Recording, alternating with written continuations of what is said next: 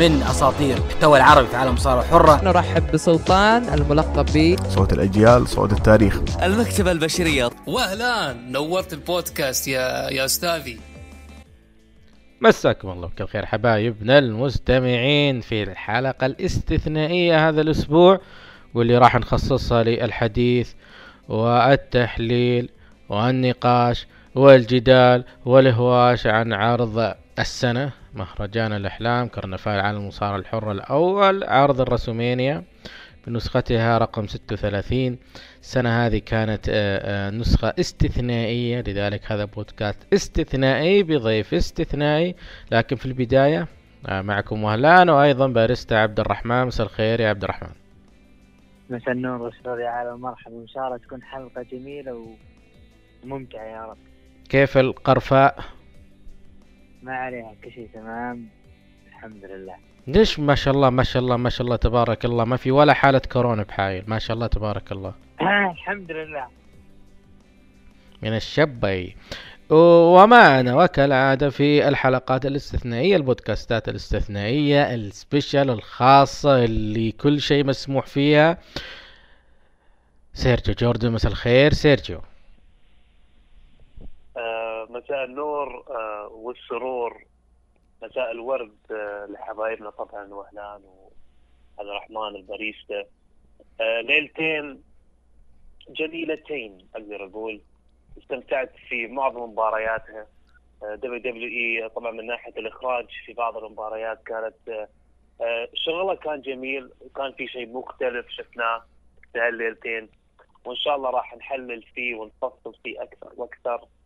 في ناس زعلانة وفي ناس فرحانة بس أنا أقول آه، دام دام في عروض نقدر نشوفها هالأيام شيء زين. الاقل نتابع ننسى اللي قاعد يصير هالأيام والمشاكل اللي قاعد تصير في الدنيا. ف شيء جميل شيء جميل. وبعض بعض الحريم كانوا لابسين لبس ضيق وايد ما أدري ليش بس راح نفصل فيه أكثر في آه، البودكاست الجميل هذا. ركن الحلقة والله عندنا متخصص إذا في شيء يخص الحريم يا ما شاء الله عندنا متخصص باريستا عبد الرحمن. هذه تخصص الأمور هذه. أه باريستا عبد الرحمن هل هذه قبل ما نبدأ يعني كيف كان حماسك اللي انت تحدثت عنه بآخر حلقة؟ شفت ال go home شفت عروض ال Mania الليلتين بشكل عام أبغى بجملة إيش تقدر تصف ال Mania؟ فاجئونا فاجئونا حلو. طيب قبل ما نروح بالعروض نعرج على عرض ال go home اللي هو عرض سماك داون. ما راح نقول كل شيء صار فيه لكن في مباراتين اللي هي تم تغييرها بآخر اللحظة واللي طلع لها تسريب من بداية تسجيل ال Mania اللي هي مباراة لقب فرق عرض سماك داون. المفروض إنها مباراة فرق وليست فردية مباراة فرق ثلاثية على السلالم. فريق ميز وموريسون حامل الألقاب ضد فريق النيو داي ضد فريق الأوسوس.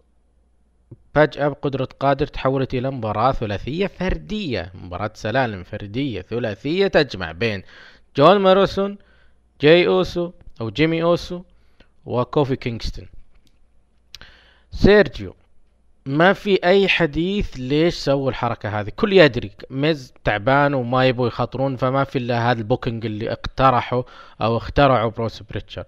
لكن أنت الآن كمشجع كمشجع وتشوف في بناء مدته ثلاثة أسابيع على الأقل لهذه المباراة تحديدا.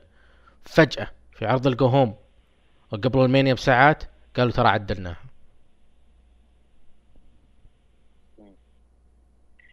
آه، فعلا يعني شيء شيء غريب كيف تلعب مباراة آه، عن- يعني تلعب مباراة على القاب teams بالاخير مباراة فردية يعني مباراة triple threat واللي ينافسون فيه بس اللهم نفر واحد. وحتى ال- حتى الشرح يوم قالوا والله المز لأن كان في عراك بينهم في ال go home آه، جت له إصابة وما يقدر يشارك. على حسب علمي يوم تابعت SmackDown يوم استوى العراك اللي كانوا واقفين آخر شيء وكانوا متحمسين وهم اللي يعني خلاص انقضوا على الثانيين كان مز وموريسون فالشرح ما كان في مكانه وما أدري ليش ال WWE يعني تبعد نفسها عن الكورونا وما ما تبغى تتكلم عن الأمراض. ما أدري ليش خايفين على شو. بس من ناحية المباراة اللي صارت في WrestleMania بالنسبة لي أنا كانت مباراة جميلة جدا. من اجمل المباريات في نجيها. العرضين نجيها نجيها. طيب إيه. تم بنفس العرض سيرجيو. قالوا لك إنه آه، ولا تفوتكم مباراة لقب Universal جولدبرغ ضد براون سترومان. بس كذا. تخيل مباراة قاعد لك شهر وشوي تروج لها spear ضد spear مستقبل ضد الماضي مدري إيش. مباراة لا تحصل إلا مرة في العمر وفجأة اللي هو رومان رينز وجولدبرغ فجأة قالوا لا تفوتكم مباراة بكرة لا تفوتكم. مباراة رومان آه، سترومان وجولدبرغ ولا كأن في شيء صار. تريبل إتش ما قال بيكون في شرح استثنائي ولا شرح آه، هو المشكلة وين؟ عشان نكون مع المتابعين. هي إن تروبل اتش ما شاء الله طلع بأكثر من آه، لقاء. SportsCenter إلى آخره. بعدين طلع مع أريال حلواني. هي النقطة هنا اللي ما طلع مع أريال حلواني. لما تحدث عن إخراج فريد يعني هم تكلم أريال حلواني إنه رومان رينز راح بسبب كورونا. أنتم إيش إجراءاتكم؟ تروبل اتش ذكي. أخذ سالفة إنه رومان رينز والإجراءات الاحترازية بعدين راح حط سالفة آه، ال Mania وتكلم بشكل عام إنه إحنا قادرين نخرج ال Mania بشكل فريد اللي هو ال unique. طيب والناس فهمت إنه طريقة الجو يعني في SmackDown كيف إقحام برون سترومان وإخراج رومان رينز بيكون بطريقة فريدة. هي ما تحتاج طريقة فريدة يا تروبل إتش. هي بسيطة جدا. يدخل جولدبرغ إنه جاء خبر رومان رينز ما راح يقدر يصارع لذلك who's next يدخل سترومان وقضينا. وانتهينا. مرة بسيطة بروس بريتشارد ما يحتاج عمق. وإخراج فريد. رغم هذا ما سووه سيرجيو. إحنا نتكلم عن مباراة Mania نتكلم عن main event Mania نتكلم عن مباراة آه، تعتبر لكثيرين مباراة أحلام تتكلم عن حاجات كثيرة غير كذا. البناء حق ال WWE لهذه القصة سيرجيو. البناء البناء كان إن هذه المباراة رقم واحد عندهم. كيف إنك تسويها كذا؟ أنا عندي شرح واحد بس في الموضوع هذا. يا إنه ما كان عندهم وقت يسجلون مع إن الموضوع بسيط يعني backstage اللهم backstage آه، برون يمشي ولا جولدبرغ يمشي. يسوون لقاء تشارلي كروسو هي موجودة صح؟ تشارلي كروسو هي موجودة. تشارلي كروسو مم. يا أخي يابينها طوروا أكثر مقابلات معاها. أنا أبغى أشوفها أكثر ما, ما فيها شيء. جولدبرغ backstage آه شو رأيك؟ رومان رينز ما بيقدر ينافس. يطلع برون سترومان بس خلاص. وحطه في SmackDown. يعني رجع مو يعني مو بلازم خلاص يطلع مايكل كول يتكلم ولا كأنه صاير شيء. والله لا تنسون مباراة ال Universal بيكون برون سترومان وجولدبرغ بس. من غير شرح من غير ولا شيء. هذا اللي ما عجبني بالموضوع يعني بالأخير. ف أنت ما أدري يعني عطني أنت رأيك. وأهلان والباريستا الله يخليك اعطوني ليش ما سجلوا ال- شيء بينهم يعني. أبى أتكلم عن النقطة هذه بس آه، باريستا عبد الرحمن حدثنا عن مباراة الفرق حدثنا عن برون سترومان جولدبرغ كيف شفت إنه فجأة غيروا مباريات بدون أي سابق انذار؟ بالنسبة لمباريات الفرق هذا الموجود يعني. تحاول ترجع بأقرب طريقة يعني. وكان في بناء خفيف. من ميز ذكر جميع آه، روستر فرق سماك داون ف... فهذا الموجود أنا أنا متقبلها لكن لا قبل الفارس لا تعليق. لا لازم تعليق. تعليق ألقم يا مايكل كول. تطويلك وبيج دوغ. مش دخل مايكل كولو ت- مش دخل يعني. أنت انت تتكلم عنا إحنا كمتابعين إحنا كمشاهدين يا عبد الرحمن. WW يعني مو شركة توها تطلع يعني على الدنيا. مو مرة يصير عندها المشاكل هذه. ف وغير كذا هذا كله مسجل. يعني هذا كله مسجل. يعني أنت داري إنه رومان انسحب وسجلت وحطيت سترومان وقضينا. أنت مسجل وقاضي. ليش ما كملت الفقرة دي ليش ما سجلت ليش إنك تعامل إنه ما في شيء؟ ما في شيء. ما في كورونا ما في رومان. من الأساس أنا بيها من الأساس. ليش سترومان؟ من تبي يا جل شفناه آه، شخص ما شفناه من تبي يا جل طالع طالع يتهكم على المصارعين. طيب طيب من تبي من تبي شوف اللي موجودين. مين؟ عطني ملك- اسم. ملك ملك موجود. والله كنت داري. بيقول. اسبوعيا شخص موجود يكافح ولا يجيك واحد يتبطح من انيميشن تشامبر ويتهكم على مصارعين الإنديز. بعدين تعطيه فرصة. على أي أساس؟ على أساس طال عمرك ان كوربن عنده مباراه مع إلياس في ال Mania واعلنت عنها. تجي فجأة ت- تشيل إلياس وتحط رجعها طيب المباراة تقول له رايك مصاب. رجعها سيرجيو إيش رأيك؟ كوربن ضد جولدبرغ. أنا أقول الشخص المناسب كان مات ريدل موجود وفاضي. أحسنت. أحسنت. صح ولا لا؟ Yep أنت أخذت أوستن ثيري من NXT. موجود. إيه والآن يعني أنت روحك فصلت عنها أكثر وأكثر إنه ليش يكون ريدل yep تكلمت كلهم. ليش. آه، أتحدث عن النقطة هذه الآن. آه، بالنسبة لي مباراة الفرق آه، ترقيعة غبية جدا وما لها أي داعي تستطيع عندك أفكار كثيرة جدا تقدر تسويها. لكن إنك تحولها لمباراة فردية ثلاثية على السلالم خطأ استراتيجي. رغم إنها مباراة حلوة يعني من المباريات اللي أنقذت عرض ال Mania هذه السنة. بس إنه نتكلم حنا عن احترام ال business احترام الفكر الأشياء اللي هم أشغلونا سنوات وسنوات إنه ما نقدر نتخذ القرار هذا ما نقدر نسوي الإجراء هذا لأن إحنا نحترم ال business. وإن مستر ماكمان من الناس ال tradition وإنه يحترم ال business. طيب احترم الجمهور هذه ال Mania. ال Mania معروف إن كل مباراة لها قصة لها بناء. مو بس حي الله كذا رقع يا مرقع. فشيء غريب اللي صار يعني. نجي لمباراة سترومان و... وجولدبرغ اختيار سترومان أنا بالنسبة لي آه، خيار. يعني لما تحط لي قائمة من تحط بدل رومان أكيد برون سترومان بيكون خيار. وجود سترومان ليش ما يوجد كوربن؟ لأنه ببساطة لازم تحط واحد face علشان يفوز على جولدبرغ عشان لعانة فيك يا رومان رينز.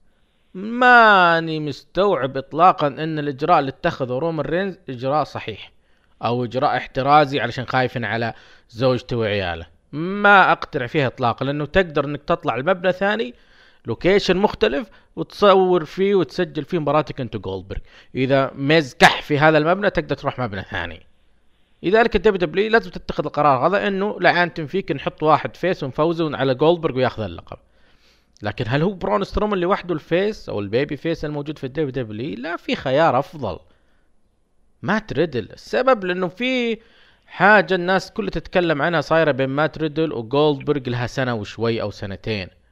مات ريدل يعني يتكلم ينزل مو بس text يكتب كلام لا ينزل فيديوهات ويطقطق. ومن قبل جولدبرغ على بروك ليزنر من 2015 لذلك آه، وجود إنه مات ريدل فجأة هو اللي دخل على جولدبرغ هذه بتعطي آه، انتباه بيعطي إن الجمهور بيتحمس أكثر الجمهور بيتعلق أكثر الجمهور بيراها انها لحظة للتاريخ اللي بتصير. لكن أنا أرى إنه الناس المسؤولة اللي هو تحديدا بروس بريتشارد ما درى عنها ولا طق لها خبر ولا فكر فيها حتى ولا جت في باله. لذلك مين فاضي اللي ما عنده مباراة عندي في roster سماك داون سترومان تعال. لكن لما نشوف بول هيمن اللي هو المسؤول عن رو على طول اختار لما صار عنده مكان شاغر رغم إنه تكلمنا عنه أنا وسيرجيو الأسبوع الماضي في Dispatch إلا نختار أوستن ثيري. يعني الإجراء أو الفكرة هذه اللي تحدثنا عنها عن مات ريدل ما راح يسويها بروس بريتشارد. بروس بريتشارد مو من الناس اللي يبتكر ويجيب لك أفكار من خارج الصندوق مثل ما يقولون. هذه تعطيها بول هيمن اريك بيشوف وغيره.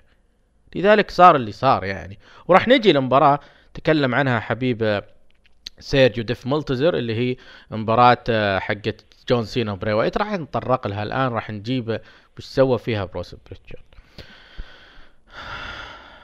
طبعا طبعا الر- تقييم تقييم المتابعين لسماك داون عطوه من خمسة لثمانية بنسبة 32% 28% قالوا لم أشاهده وهذا شيء طبيعي. آه آه نروح الآن لل Mania. أحد بيعلق قبل ما نروح ال Mania؟ باريستا؟ أنا عندي عندي تعليق. أنا تفضل. إضافة إضافة لكلامك موضوع مات ريدل آه، كذا راح تعطي إنه في امل الجمهور ممكن تصير لحظات تاريخية مستقبلا ليش لا؟ مات ريدل جولدبرغ مات ريدل بروك ممكن تصير لحظات تاريخية. سيرجيو؟ لكن للأسف. صحيح. أنا أقول.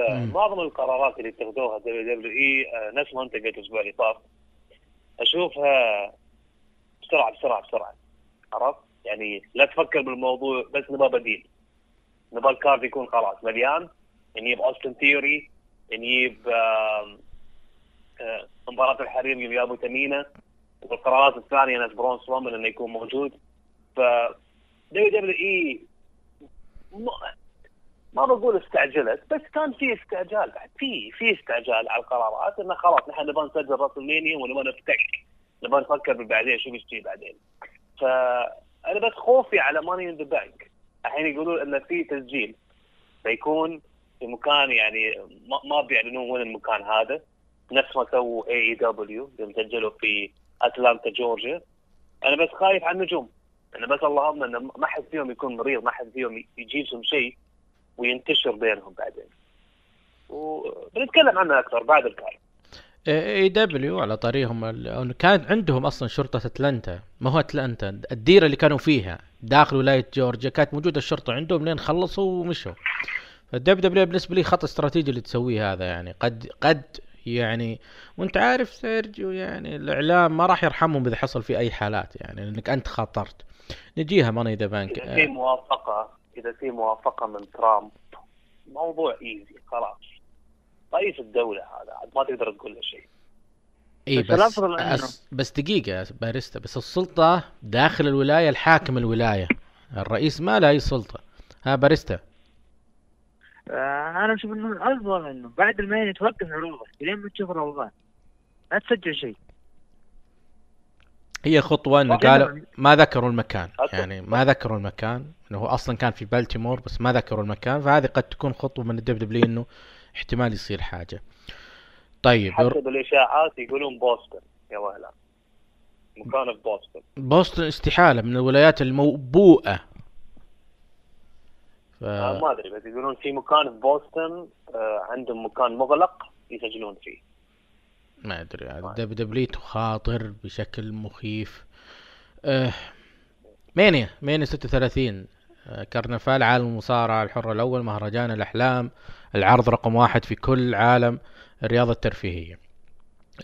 مهما صار مهما وصلنا مهما كبرنا مهما سوينا نفسنا إن محللين النقاد يظل إنه عند لديك هذا المشجع البسيط اللي ينتظر هذا العرض كل سنة علشان يستمتع فيه. السنة هذه كان شيء مختلف مختلف بكل حاجة مختلف. كل أجواء المانيا ما شفناها. حتى آم، الهوية حقت المانيا من ناحية الوقت من ناحية البداية يعني كان أول الكيك أوف يبدأ من 12 توقيتنا. توقيت الإمارات من واحدة وينتهي الصبح. وكان يعني شيء شيء مو طبيعي ال Mania لكن الآن اختلفت الوضع اختلف تماما. فالوضع مختلف في العالم كله فوش معنى Mania آه، عرض ال kick-off ابتدأ من الساعة واحدة توقيتنا. آه، الساعة ثنتين توقيت الإمارات. مدته ساعة. كان موجود آه، بيتر وكان موجود كوري جريفز مصورين داخل استديوهات WW في مقرها. الرئيسي في ستامفورد. وقيمت فيه مباراة واحدة اللي هي سيزارو ضد درو جولاك مباراة ما أخذت ولا خمس دقايق وانتهت بفوز سيزارو. آه، ناخذ ال kick-off حق الليلة الثانية بعد. نفس ال- ال location نفس الأسماء اللي هو بيتر روسنبرغ وكوري جريفز.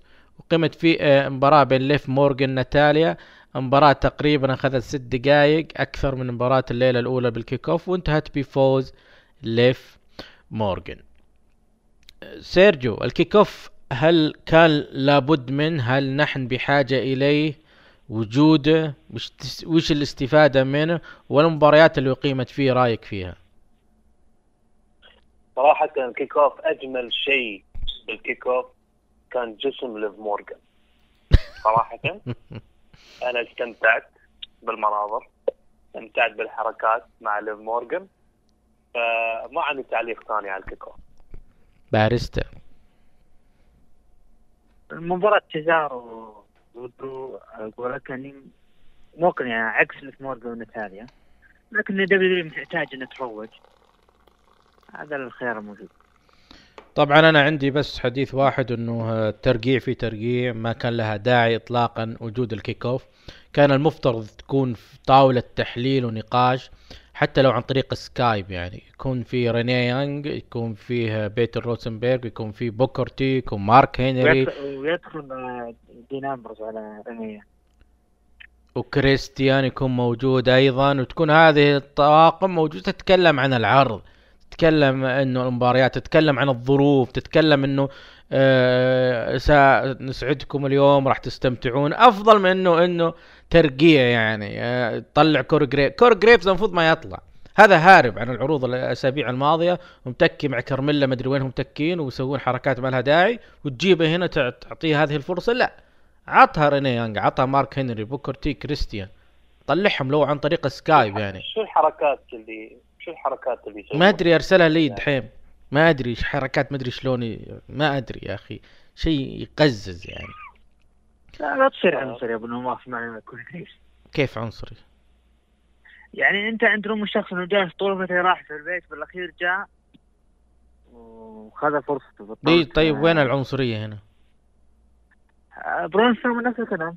انت فتح البيت وجاء وخذ فرصة. إي وين العنصرية بين برون سترومان كوري جريفز يعني كيف عنصرية؟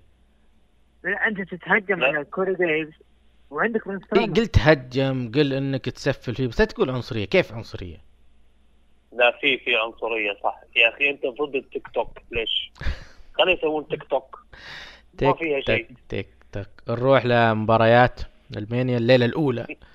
افتتحت آه، بمباراة الفرق أو لقب فرق النسائية نيكي كروس أليكسا بليس من عرض SmackDown ضد حاملات الألقاب ال Kabuki Warriors آسكا كايري سن و- المباراة أخذت ربع ساعة.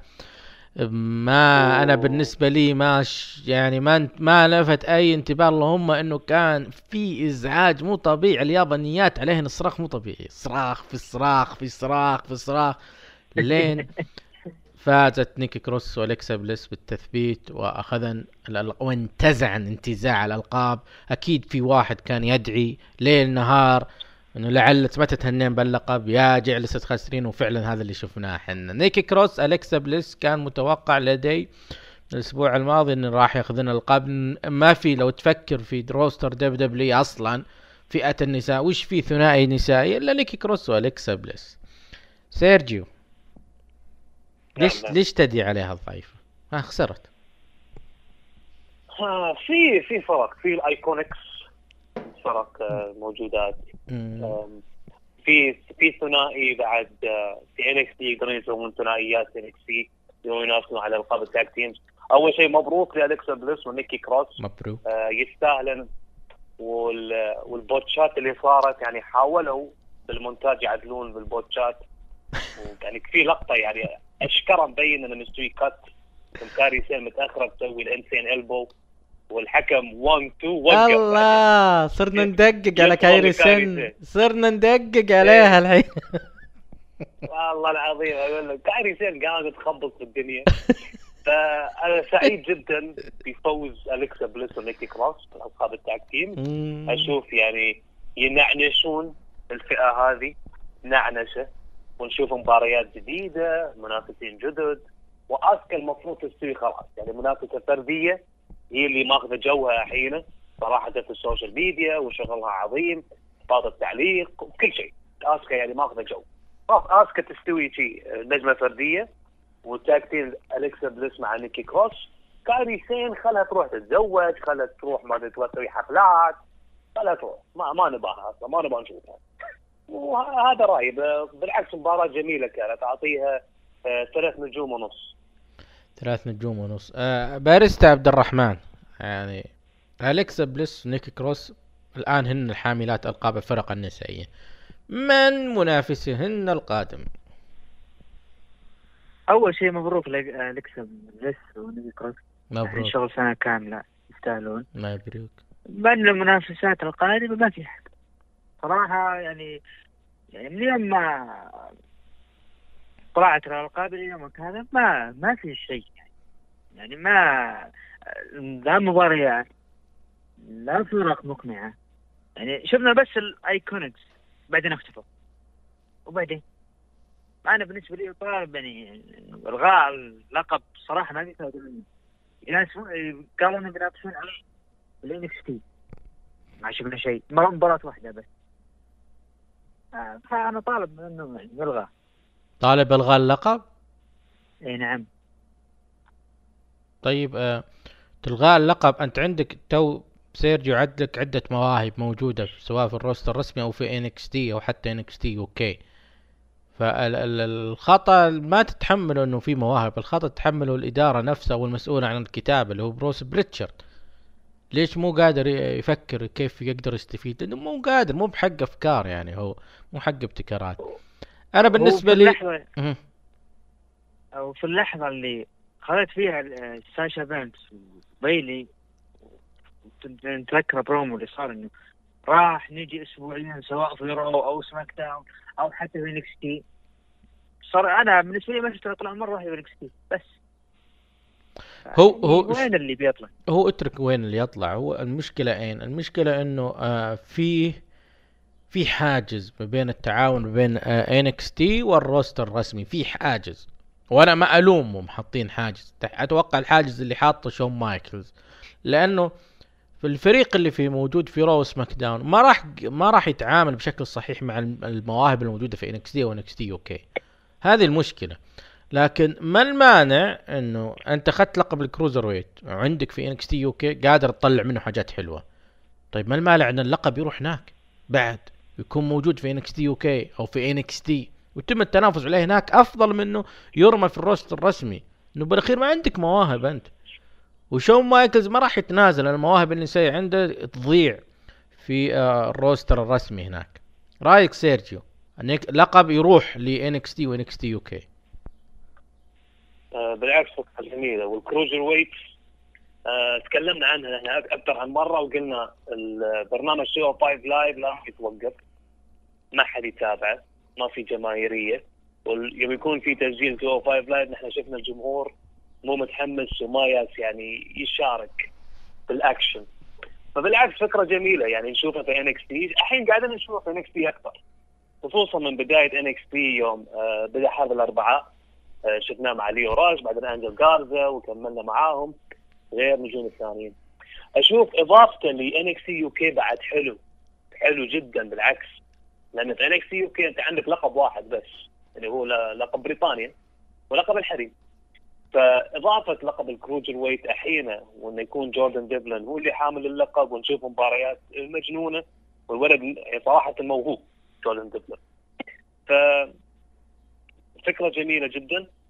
وأتمنى يعني ما يتم في NXT UK نشوفه في NXT UK نشوفه في NXT يكون في mix بس هل هل راح نشوف وولتر ينافس ويدافع عن لقبه في ال TakeOver الجاي؟ ما أدري. في تساؤلات. ليه؟ لأنه ما قالوا بيتأجل TakeOver ال UK تأجل حق دبلن تأجل نعم. باقي آه، با- سؤالي يعني متى بيدافع؟ باقي TakeOver بوسطن بس اللي هو بيكون أسبوع ال SummerSlam. يعني وال NXT UK ينسونهم يعني؟ ما لا ما ينسونهم بس إنه ما في تسجيلات الآن. ولندن وبريطانيا ألعن من أمريكا. ما في هناك بيط... يعني أتوقع إن الآن التسجيلات انتهت حقت الأسبوع الماضي. أتوقع أتوقع يعني حقت شهر قدام انتهت. لذلك آه، هل أعلنوا عن تسجيلات جديدة؟ ما أدري. ما شفت أي خبر إنه ال WW سوت تسجيلات جديدة ل NXT UK لأن العروض الماضية سيرجيو هذه كلها مسجلة قبل شهر. فما. أدري كيف بيصير الوضع الجاي. الوضع مكركب كثير في بريطانيا. جميل جميل جدا. أعطينا مباراة. أي والله الله يعينهم. الفويات أم، رئيس الوزراء ودوه المستشفى عشان التنفس آه، الصناعي الله يعين. آه آه مجنون. بورس؟ بورس. بورس صح. آه. بوريس أو بوريس لا. جونسون. آه عاد أبوه أصله تركي على فكرة يعني. أبوه أصله تركي. آه المباراة اللي بعد إيه أبوه أصله تركي يعني. أو آه، جده يعني كان مهاجر يعني. ففي علاقة كذا آه. أي وجدته من طرف أمه يهودية.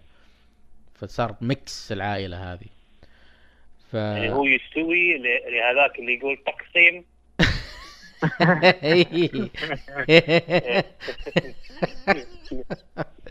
تعين.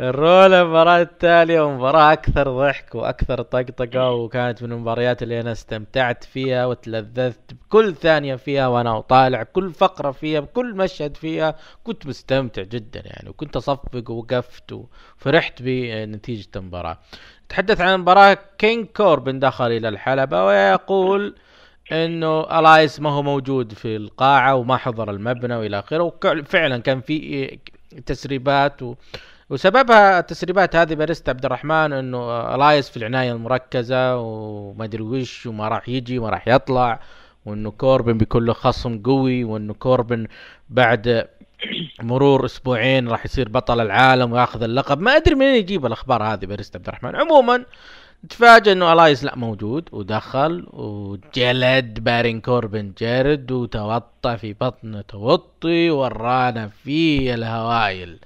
يعني تأديب بارن كوربن على كل الخراط اللي كان يسويه من يوم أخذ لقب ملك الحلبة بطريقة غير مشروعة إلين اللي صار في ال Mania فعلا صار في تسديد فواتير لكل اللي سواه بارن كوربن طبعا المباراة ما أخذت ولا عشر دقائق إنه ما يحتاج تضيع الوقت هذا الكبير على واحد مثل بارن كوربن وإنت تبي فوز ضخم ورائع آه لإلياس وتثبيته لبارن آه كوربن لو تسمح لي بس يجب نوجه الكلام لباريستا عبد الرحمن. تفضل باريستا لك المايك. اولا آه ملك كوربن خرج من راسلمانيا وهو معه لقب لقب ذهب. وكما قلت قبل خرج معه لقب لقب ملك الحلبة ثانيا مباراة ضمن. غير صحيح الأشياء اللي صارت هذه يعني مو معقول الحكم ما يشاهد شيء الح... الحكم إيش فيه؟ الحكم متفقة مع إلياس يعني أشياء غريبة كانت تصير في المباراة آه ما ما ما أدري واضحة لك سيرجيو؟ الحكم إيش فيه؟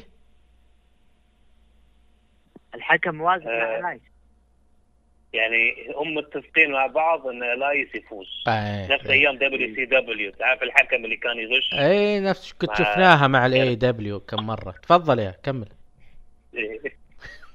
ظلم وبهتان لكن في النهاية ملك كوربن. خرج من هذه المباراة ومعه لقب. سيرجيو انت شفت أي لقب أو أي حزام مع كوربن؟ ما شفت شيء صراحة. بس أنا أه، اللي- إحنا ما نتكلم اللي لا إيه- إيه- لا. اللي لاحظته اللي لاحظته صراحة إنه كان في تلاعب بحكمة المباراة. صح كلامك صح عبد شكرا لك.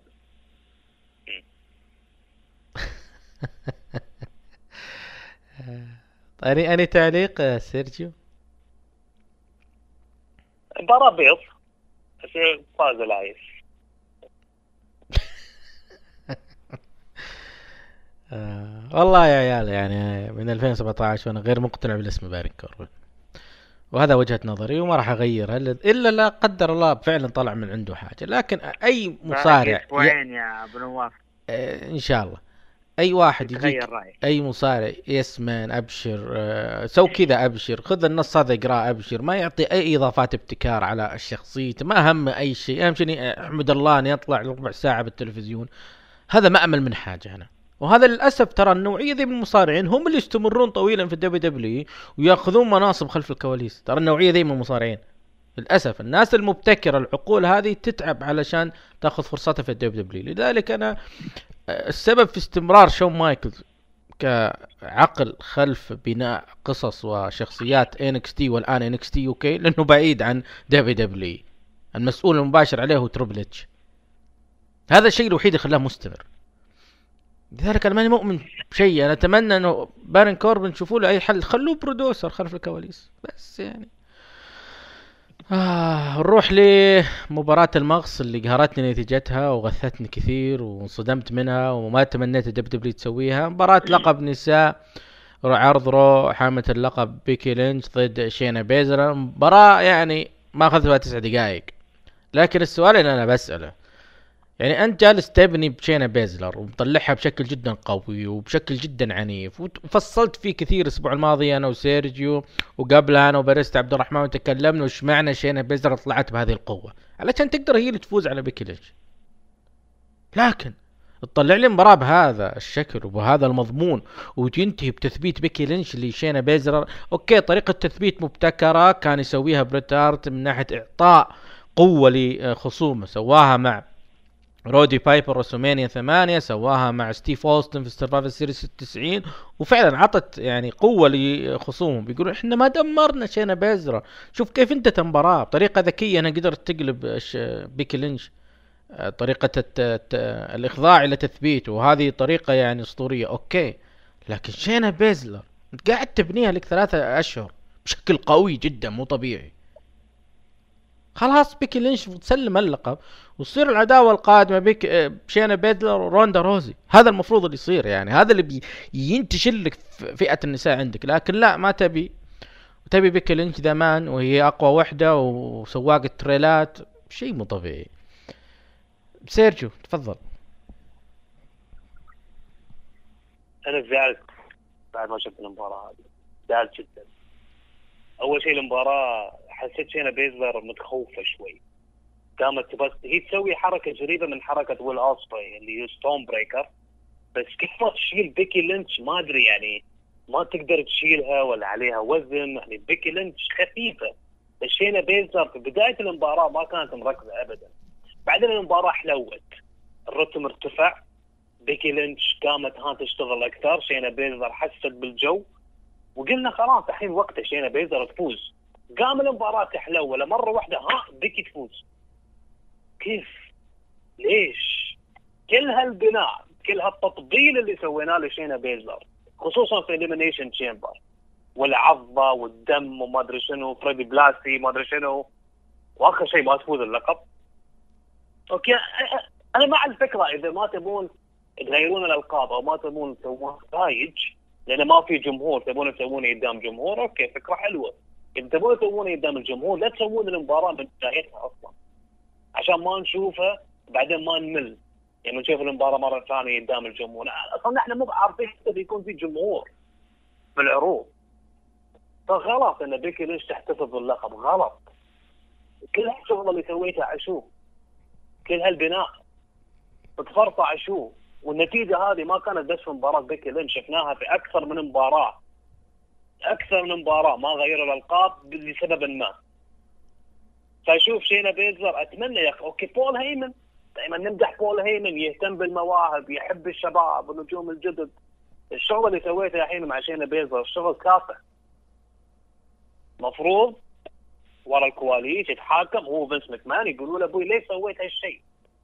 وبيكي لينش أنا معاهم okay تجيب مبيعات تبيع تيشيرتات ما أدري شنو لها شعبية. حلو جدا. بس مو معناها ان هي لازم تكون في القمة 24 ساعة. خلها تخسر اللقب. وفوزوها باللقب مرة ثانية بعد شهرين ثلاث أشهر. على الأقل حافظوا على شينا بيزلر. يصير عندكم أصلا غير شينا بيزلر اللي هي يعني كانت في ال MMA إن هي كانت مثلا شخصية serious جدية تكون موجودة في ال roster ما عندكم حد ثاني أصلا مع كل احترامي لباقي الحريم الموجودات في العروض الرئيسية. مع كل احترامي لهم. فشيء غلط اللي سووه. للأسف. باريستا شيء غلط اللي صار من ناحية النتيجة؟ وكيف شفت المباراة؟ النتيجة صادمة. معقولة يعني؟ أنا أتفق مع سيرجيو. كل هالبناء وهذه النتيجة. يعني شيء غريب. أنا وضفت على كلام سيرجيو. تكرار دخولنا بالشاحنة وبعدين؟ والله ما هي ستيف اوستن ورب الكعبة ما هي ستيف اوستن خلاص. هوست ما كنت دخل بتريله القصص اللي صارت له انه يجيب الشاحنة وضد فينس مكمان أيام 90 ها شوف أنا بالنسبة لي الحركات اللي سوتها بيكي طوال الأسابيع والأشهر الماضية هي من أفكار بيكي. واضح إن أفكار بيكي وإنه بول هيمن إيه سوي عادي حلوة ما عليك. مستر مكمان عندي لا تخافين سوي اللي تبين. آه هذا اللي أنا شايفه ذا. طيب سيرجي what next for شينا بيزلر؟ ما التالي؟ بيكون في مباراة اعاده بينهم بين شينا وبيكي لينش. آه يكون قدام جمهور عشان يشوفون المباراة هذه. بس آه إذا ما فازت أول مرة إذا يعني خلينا نقول لو فازت في المباراه اللي- المباراه العادة اللي بيسوونها وفازت هل بيكون بنفس القوة وبنفس الصدمة؟ آه، مثل فوزه في أول مباراة؟ لا ما أعتقد لا. ما أعتقد آه، عبد الرحمن هل عندك منافسة قادمة لبيكي لينش غير اقتراح آه، سيرجيو انها شينا بيزلر؟ هذا الموجود شينا بيزلر يعني هذا هو الموجود وروندا و- راندا الصو- الصورة اللي صارت مع كين فريسك آه قالوا إنه فيها اشكالية ممكن تتأخر عودتها بعد ما نزل الصورة. لكن أنا تمنيت تمنيت إنه شينا بيزر تخضع بك دقائق لكن شكر الله الواسطة لها دور. يعني كورب ما عنده واسطة. كوربن إنسان مجتهد ومكافح. المباراة التالية على طاري المكافحين هي مباراة للمكافحين حقيقة. مباراة تكلم عنها سيرجيو وقال أنا عندي طلب واحد يا مستر مكمان أسوي ب... أسوي لك اللي تبي. بس وريني المباراة هذه خلني أشوفها. ودي إني أنا أقول إني شفت المباراة هذه. داني براين سامي زين في الريسلمانيا لا وعلى لقب كثير علي ما أقدر أتحمل. لكن أنا بالنسبة لي مع احترامي لرأي سيرجيو ما أدري هو يوافقني ويختلف معي لكن أنا بالنسبة لي المباراة هذه رغم إنها ما أخذت أكثر من عشر دقائق ما حبيتها اطلاقا ما حبيت ال- الطريقة اللي أظهروا فيها سامي زين بغض النظر إنه هو أسلوبه كذا هو character حق اللي يقدمك لا يا حبيبي. هذه ريسلمانيا هذا واحد. اثنين ما راح نشوف سامي زين داني براين مرة ثانية في الريسلمانيا بهذا ال- ال- التوقيت وبهذا الم... يعني الظروف كلها صارت كويسة إنك تشوف مباراة قد تكون للكثيرين إنها مباراة آه مباراة حلم. إنك تشوف دان براين سامي زين وبالاخير تطلع كذا يعني بهالأسلوب بهالطريقة بهال booking. سامي زين استطاع أن يحافظ على لقبه بعد تثبيت دان براين. طبعا المباراة كان فيها تدخلات ناكامورا سيزارو درو جولاك. اختفوا فجأة آه، سيزارو وناكامورا بعدين طلعوا فجأة. يعني ما تدري إيش اللي صاير في داخل هذه المباراة. سيرجيو مباراة أنت طلبتها وتمنيتها وصارت. هل نفس صارت نفس اللي أنت كنت تطالب فيه نفس اللي كان في مخك نفس اللي كنت أنت تتحلم فيه وتتمناه انها تصير. هل هذه المباراة اللي أنت كنت تبغى تشوفها؟ اللي طغى على المباراة هذه ال character لسامي زين. يعني هم يبون يبينون إن واحد متخوف واحد يعتمد على سيزارو يعتمد على ناكامورا وكان يلعب هالدور دور ال manager الشرير اللي الحين معاه لقب ف ما شفنا سايكولوجي مع كل احترام ما شفنا سايكولوجي ما شفنا chain wrestling ما شفنا شيء بين الاثنين. كلها تدخلات بتدخلات يعني. كان التركيز على درو جولاك ناكامورا وسيزارو أكثر من النجوم موجودين في الحلبه yep. والطريقة اللي خلصت فيها المباراة يعني مع كل احترامي حركة ال Yakuza kick اللي يسويها سامي زين يسويها في ال corner يعني ما يسويها في نص الحلبة. فيوم فاز باللقب أو يوم يوم احتفظ باللقب وفاز المباراة كانت يعني out of nowhere إن كيف مرة واحدة خلصت المباراة هذه. فما أعرف ليش يقولون السبب الرئيسي إن داني براين ما فاز باللقب إنه يبغى يكون مع عائلته يبغى يقضي وقت معاهم عنده مولود جديد. فعشان كذي هو خسر اللقب وسووا ال booking هذا. فما كانوا يبون يعطون push أكثر مع إن سامي زين مصارع موهوب. مو بس سامي زين خمستهم. خمستهم الموجودين إذا تعطيهم وقت لأي مباراة بيقدمون لك مستوى عظيم. فللأسف القصة والسيناريو وال character خرب على المباراة هذه. سامي زين احتفظ باللقب. داني براين هل بنشوفه قريب؟ ما أعتقد. بس آه، سامي زين مع اللقب بعد زين. نفرح له شوي. يعني فخر العرب سامي زين. نفرح له. مو مشكلة. سيرجيو بستفيد منك. آه، في مباريات وفي نوعية مواهب. تحس إنه آه، اللي يكتب أو يتحدث أو يخطط لقصة المباراة الكاتب ولا ال producer؟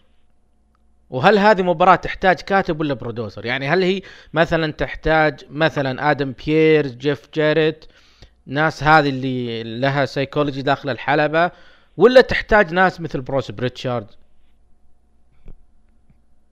أكيد آه، آدم بييرس وجيف جيرد يعني بروس بريتشارد وغيرهم شو عرفهم يعني.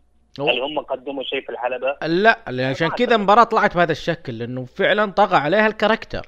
إنه أنا بط... أبغى الشخصية تصير واضحة. إنك مدير أعمال ما تنفع في الحلبة جبان ما تقابل واحد مثل داني براين. أنا بطلع شخصية داني براين اللي قدر يتعلم ويأخذ أساليب من درو جولاك الأسابيع الماضية. يعني هذا اللي حسيته أنا إنه أوراق يتطبق على الحلبة. مو حركات تطبق على الحلبة. هذا اللي أنا حسيته. بالضبط. اللي صار أصلا. باريستا. بالنسبة لمباراة خيبة الأمان كنت متأمل فيها لكن ما أزيد على كلامكم كلامكم متفق معكم. خيبة المباراة صراحة. يا كثر اللي خيب الظنون كان الليلة هذه ليلة تخييب ظن. لا ختامها كان مسك مم. وعلى طاري المسك. كان مسك يكون على التخت ما يكون هنا زين؟ نروح لمباراة المسك آه، وليس الختام المسك مباراة آه، ثلاثية على آه، مباراة سلالم ثلاثية لكن على ألقاب الفرق. شلون كيف كنت صارت قبل؟ ما أبغى أتكلم عن الموضوع هذا. المباراة تقريبا طولت أخذت قرابة العشرين دقيقة وكانت من أجمل مباريات الليلة. استمتعنا فيها. جون موريسون حامل آه،. عضو الفريق الحامل لألقاب الفرق ضد كوفي كينغستون من فريق النيو داي ضد جيمي أوسو من فريق الأوسو. مباراة رائعة بالنسبة لي. كان الاسم الفارق كان المؤدي الرائع في هذه المباراة جون موريسون. بصراحة هو أكبرهم عمر من المشاركين هنا. لو نحط top 3 أكبر عمر في هذه الليلة بيكون هو موجود معاهم بعد جولدبرغ والأندرتيكر. ومع ذلك مع ذلك يعني الولد قدم أداء رائع. احترم اسم ال Mania احترم المباراة احترم إنها مباراة على اللقب آه، احترم زملائه شيء شيء. يعني أنا ما ما ودي أصلا ما راح يطبل لأن أنا معجب فيه أصلا أيام جوني موندو أيام Lucha Underground جوني إمباكت أيام Impact Wrestling. الولد فعلا أنا بالنسبة لي لو هو الوحيد اللي بيكون مكسب ل NJPW بعد طعنة الإليت و اللي صار لهم في بداية 2019 لكن WW كسبت جون موريسون. بصراحة جون موريسون مؤدي على الحلبة. آه ال character بغض النظر التفاهة الفريق اللي هو حقه هو جو آه، ميز وال catchphrase اللي يسوونه لكن الولد مبدع متألق رائع. لذلك أنا بالنسبة لي ال WW كسبت عقلية ويا رب إن شاء الله إنه نكون يعني يجي خبر إنه تم الاستفادة منه. في NXT UK لأن هذه العقلية أنت تحتاجها. شلون عقلية؟ أنا لما أتابع مباراة أشوف كيف يوجههم. لأن واضح ال head الموجه هو ما كان كوفي. كان جون موريسون هو اللي كان يوجههم داخل المباراة. لذلك أبدع. كانت مباراة رائعة جميلة جدا. فيها فيها حيوية فيها يعني اللي يسمونها طاقة إيجابية داخل الحلبة الناس مستمتعة داخل الحلبة الثلاثة مع بغض النظر عن طاولة تعليق JBL ومايكل كول لكن كان شيء رائع جدا المباراة. انتهت بطريقة ذكية طريقة جدا رائعة كيف قدر يسحب الألقاب ويعطي يعني يعطي شلون؟ يعطي حماية لقوة فريق الأوسو قوة فريق ال New Day يعني هذا اللي عجبني طريقة النهاية أنا كنت حفظت على الفريقين. إنه ما هم ضعيفين وخسروا الألقاب رغم إنها مباراة ثلاثية فردية. رأيك سيجو جوردن هل أنا فعلا بالغت بكلامي ذا عن جون موريسون؟ ابدا ابدا ما بالغت. جون موريسون عظيم وكان نجم المباراة فعلا. آه، الحركات اللي كان يسويها حركات الخطره اللي يسويها بس بطريقة جميلة. حركة Spanish Fly حركة Starship Pain اللي سواها وهو فوق فوق الدرج اللي كان بين الحبلين. يا أخي شيء عظيم جون موريسون. هذا يدل إن جون موريسون ما يحتاج إنه يكون tag teams مفروض يكون فردي. أنت ياسف كلبة جون موريسون لما تحطه مع واحد مثل The Miz المفروض ياخذ حريته. المفروض ياخذ راحته. ينافس على ألقاب العالم ألقاب آه، لقب أمريكا لقب الانتركونتيننتال. وخلاص ينطلق جون موريسون. يعني فعلا لا تقول لي كوفي كينغستون. أنا ما اعرف كوفي كينغستون حاط حلاوة على شعره. شو- شو لون الشعر يا عمي. آه، باريستا هنا عنصرية ذكرني حبيبي. أيوه تنسى. لا مو بعنصرية. الحلاوه تعرف الحلاوة اللي يكون حامض؟ يكون نفس الدودة حامض تاكله هذا كان لا، وجيمي أوسو بعد قدم مستوى حلو. فعلا جيمي أوسو قدم مستوى حلو. والحين بعد ما شفت المباراة هذه أنا أتفق مع وهلان. يوم كان يقول كوفي كينغستون ما كان كفو يحمل لقب WWE بين في المباراة هذه. أضعف حلقة في المباراة كوفي كينغستون مع كل احترامي. وال finish كان جميل. في ناس يتفلسفون على ال finish. عجبني ال finish. أنا كثير يوم كانوا ماسكين هذا اللي كان يمسك اللقبين. بعدين جون موريسون هو اللي شل اللقبين وطاح تحت. finish جميل. المباراة أعطيها أربع نجوم وربع. رائع رائع جدا مباراة باريستا عبد الرحمن آه، قبل ما تعطينا رأيك عن مباراة تنبأ لي. تنبأ لي. باريستا ميشيل حايك. مين منافسين ميز وموريسون القادمين؟ ما دام إنه فازوا على النيو دي وفازوا على الأوسي في المباراة مين الفريق القادم؟ ال- على الاوضاع هذه صعب تتوقع. أنا التوقعات بناء على عندك مصادر ما شاء الله عندك مصادر. آه المتوقع إنه راح تكون في إعادة بس راح يكون آه ما راح تكون ثلاثية. نعمين. ممكن ممكن يرجعون الخطة الاساسيه اللي كانت آه، الاوسوس ضد ميز وجون مارسون والنيو دي ليش تستبعدهم؟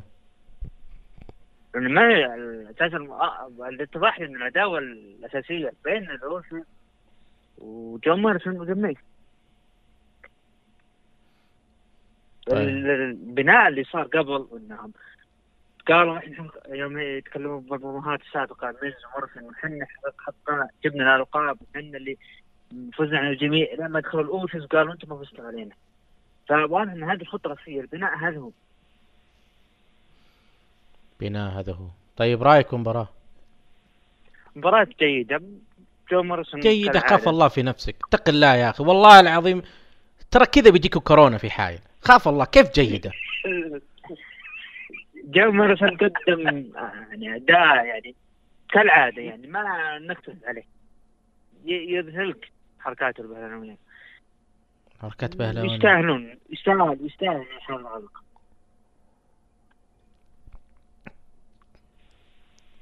والله لا أدري عليك يطلع لك شيء في لحيتك والله لا أدري عليك. مباراة رائعة حرام عليكم. والله يا عبد الرحمن المباراة أنا استمتعت فيها فعلا. أنقذت رغم إنه ضد ال booking. لاحظ القصة إلى آخره بس يعني أنا أحترم اللي يحترم ال business. يعني في مصارعين يعني مهما اختلفنا ومهما اتفقنا يظل في ناس تحترم ال business تقدم رغم الظروف رغم كل حاجة. وهذا الشيء المميز مصارعة المحترفين عن بقية المجالات الترفيهية. إن في ناس هنا تشتغل من منطلق عشق يعني ما ينتظر أي مقابل. المباراة الثانية اللي آه أنا شخصيا كنت ضدها لكن كانت رائعة بصراحة يعني. يعني ما أدري WWE تعاندني ولا إيش السالفة. المباراة هذه اللي مباراة كيفن اونز سيث رولينز أنا كنت ضدها تماما. وقلتها في إحدى البودكاستات معك يا عبد الرحمن وأيضا مع سيرجيو لكن تفاجأت. المباراة كانت رائعة كانت جميلة كان فيها حاجات حلوة. كان فيها أشياء رائعة جدا وكان في تحدي شخصي من كيفن اونز غصبا عليكم بحط لي لحظة للتاريخ في ألمانيا. أنا بسوي spot راح يظل موجود في أي برومو خاص في أبرز الأحداث واللقطات اللي صارت في تاريخ ألمانيا وفعلا سواها الدب. واقنعنا فيها. مباراة مسك الختام للعداوة اللي تمت بين سيث رولينز وكيفن اونز طبعا المباراة انتهت أول شيء بال DQ. لصالح كيفن اونز لكن كيفن اونز طالب سيث رولينز إنه لا حرام تنتهي المباراة بهذه الطريقة ارجع في خير ارجع نستكملها واستكملت المباراة وانتهت بتثبيت كيفن اونز لسيث رولينز. مباراة رائعة مباراة جميلة وبالنسبة لي المفروض تكون أفضل ختام لهذه العداوة اللي ما استفدنا منها أي حاجة فقط تعبئة وقت في عرض Raw. أه سيرجيو كيف شفت المباراة؟ كيف شفت سيث رولينز كختام؟ آه، آه، نقول حقبة لسيث رولينز عمرها سنة وشوي. كيفن اونز كيف شفته بهذا الدور؟ يعتبر الآن قمة دور ال babyface. مم. المباراة بالنسبة لي أنا كانت تشكيكية. يوم يوم صار ال DQ لين قبل ال DQ مباراة عادية جدا. كان مباراة كان في عرض Raw صاير بين الاثنين. بس بعد ال DQ مباراة حلو واللقطة الجميلة يوم صار فوق ال- ال sign وسوى ال elbow. على سيث رولينز اعطاه التعليق هذه كانت يعني كانت لخبطة المباراة. في الأخير المباراة عادية. عادية جدا. يعني حتى لبس سيث رولنز يوم طلع في الحلبة ما أعرف شو كان لابس. لبس غريب لبس شيء وداخل على أساس إنه هو ما- أعرف شو سالفته سيث رولنز قريب من لبس برودي لي. برودي لي شكله خايس. يعني يعني تتعلم من واحد شكله خايس. مع كل احترامي يعني روح روح أتعلم من شيء ثاني. لو لابس جاكيت لينش أحلى. جاكيت بيكي لينش. كان أحلى عليه. شو هاللبس يا عمي؟ وكيفن اونز مسوي امره اللي هو يعني خلاص المنافس ال babyface الأسبوع اللي طاف في ال- في الجو هوم مان أو توك يا عمي روح تتكلم. أو أنا تبغى تراوينا ان عندك إحساس. لك خايف كيفن اونز مع كل احترامي. يوم تتكلم كرشتك طالعة. لا تسووا لي فيها كاركتر ما كاركتر أنتوا الاثنين. من كثر ما هم ماطلوا في العداوة هذه وآخر شيء المباراه قالوا أوكي بنعطي نقزة لكيفن اونز وكيفن اونز مسكين ترى ظهره عنده عنده إصابات بظهره ومشاكل بظهره. قالوا له روح فوق انقز. والله العظيم. مباراة عادية بس أنا الحين فرحان إن العداوة هذه انتهت. okay خلاص فكونا منها. أعطونا شيء جديد. بس أنا مستغرب إن كيفن اونز فاز.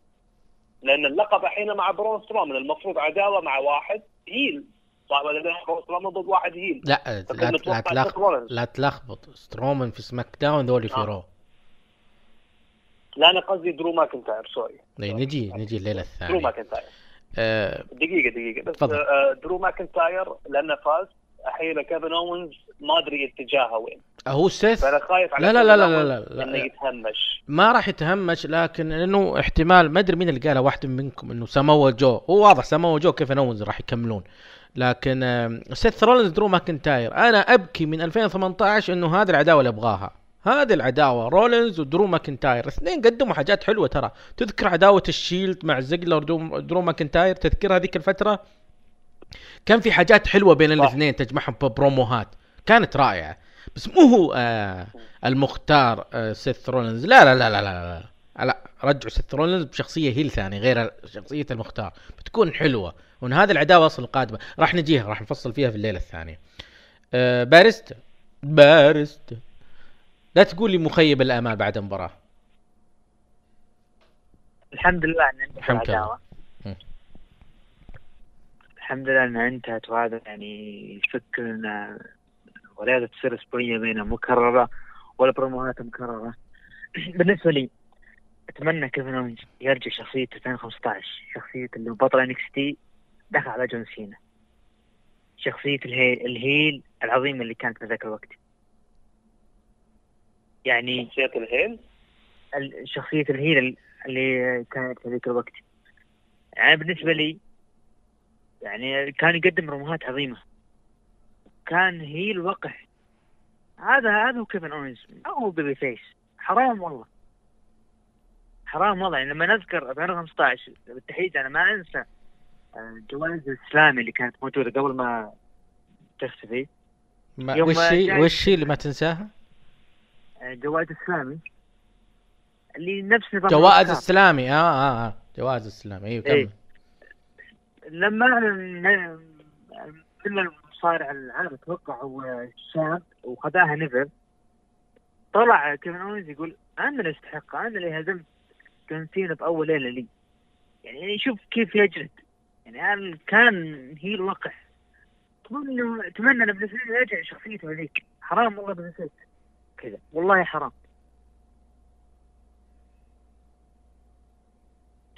طيب what next for رولنز for كيفن اونز وش التالي لهم؟ أرجع أقول صعب نتوقع عندهم شيء كثير الوضع شكل شكل مصدرك قفل جواله. يقولون إنه مشتبه فيه بعد. اعوذ بالله. طيب نروح لطاري المشتبه بهم. مباراة عادي لقب. عادي أقول what's next ولا بس عبد الرحمن what's next؟ أنت قلت تو أنت قلت رولنز بيكون مع درو ماكنتاير. أنا ما قلت شيء أنا قلت المفروض مم. رولنز لو فاز. بيكون ضد ماكنتاير. حلو. بس الحين هم عارفين منو ضد ماكنتاير يكون مستقبلا. بس أنا أشوف كيفن اونز له مستقبل كبير إنه يكون آه، manager خلاص يعني أنت اترك المصارعة اشتري مانجر كيف انوز مانجر إيه مانجر يتكلم عن المصارعين الثانيين يعني هو برومو جميل بس آه عنده مشكلة هو. المشكلة هذه لو حلها. يصعب. إيه، خفف ما حلها لا. مفروض يعني. خلاص ما- في عمليات تكميم ما تكميم يسوونها الأيام؟ اي بس آه، تعودنا عليه بشكل مو ما يصير شكل ثاني. واللي يكمم ترى الله يعينه ترى يدخل في برامج صحية ونفسية وضع ثاني. لأنه خالي حلو. خليه يسوي تكميم. مم. يفت آه أوكي. لا قول قول قول خالي أبو هاني سوى عملية تكميم المسكين وجلس يمكن شهور. وصل مرحلة يلا نسمع صوته لما يتكلم معانا يتكلم بصوت خافت. ليش؟ بسبب عملية التكميم يعني. الوضع ممكن ما بيطول فيه التكميم. لذلك بالنسبة لي manager فكرة والله. والله سيرجيو فكرة حلوة لأنه قاعد أتخيل لما تكلم تو باريستا عبد الرحمن عن البروموهات اللي يقدمها كوقح فتخيل manager وقح. بيكون حلو يعني تدخله على سترومان manager وقح تدخله على أحد يعني وبينافس فيها بول هيمن يعني بيروح سوق بول هيمن بسبتها. كيفن فعلا قادر يسويها. فعلا manager فعلا. وعلى طاري الوقاحة آه، لقب الكون ال Universal حمل اللقب جولدبرغ ضد برون سترومان. ما ندري ليش برون سترومان شلون جاء برون سترومان؟ البناء كان كله رومان رينز رومان رينز رومان رينز. فجأة لا تفوتكم مباراة في الرسلمينيا مباراة لقب الكون جولدبرغ ضد برون سترومان. ما ندري. يعني تخيل إنك أنت جاسم بتتابع مباراة بين أرسنال وإنتر ميلان. فجأة. وقالوا إن المباراة هذه بتكون الساعة عشرة بتوقيت دبي بالليل وتشوفها. تقعد على التلفزيون بتشوف فجأة صارت مانشستر ضد يوفنتوس. ترى هذا اللي صار بمباراة سترومان وجولدبرغ. بالضبط هذا اللي صار. شلون تغيرت ما تدري. ما ما حد يدري. المباراة ما أخذت ولا ثلاث دقائق. مباراة كلها spear وكلها حركات آه، تثبيت. ما في أي شيء فيها لافت انتباه. ما في أي شيء قادر يخليك تتحمس. اللهم إنه واضح إنه يلا بسرعة بسرعة بسرعة. ثبت وخلص خذ اللقب وارفعه وقضينا. بس. وصوروا الصورة وارسلوها لرومان رينز على الواتساب. خليه ينقهر. المباراة انتهت بفوز برون سترومان بتثبيت جولدبرغ وانتزاع للقب الكون تفضل سيرجيو أنا أقول بدري برون سترومان تعطونا اللقب صراحة بدري بدري كم فرصة عليك بدري. الولد؟ والولد آه كان مسكين كله يخسر من No Mercy من من مباراته في السعودية من Elimination Chamber أعتقد كان بيسوي cash in ما أدري في أي عرض كان بيسوي cash in واخر شيء ما استوى ال cash in يعني دمرت. دمرت حياته والولد يعني خلاص دمرته. ما بقى شيء. الحين خلاص أنا رومان ما طلع. اعطيتوه اللقب يفوز باللقب. أنا أقول مبروك لبرون سترومان بالعكس يعني دائما كنا نمدح فيه أيامه. بدايته يوم كان توه ها طالع نجم فردي نمدح فيه برون سترومان نجم المستقبل كذا وكذا. بس إنه يفوز بالطريقة هذه و spear كم spear؟ كان ثلاثة أعتقد؟ مم، ثلاثة spear، لا أربعة أكثر spear. أكثر أربعة. قام ولا كنا في شيء عادي لا ستيلينج ولا شيء. أعطاك ال running power slam على جولدبرغ وهم بعد ثلاث أربع مرات. عاد يوم فاز باللقب. أنا ما كنت مستوعب قلت لا أخيرا فاز باللقب. يعني قاعد أصبر. بيستوي شيء بيطلع حد لا ما فاز باللقب. في غش في شيء. بس بالأخير فاز. مبروك برون سترومان أتمنى اللقب هذا يستمر معاك لفترة مع انه كبرومو ما اشوفه برومو زين برون سترومان فعلا بس. ما في لا كاريزما ولا شيء.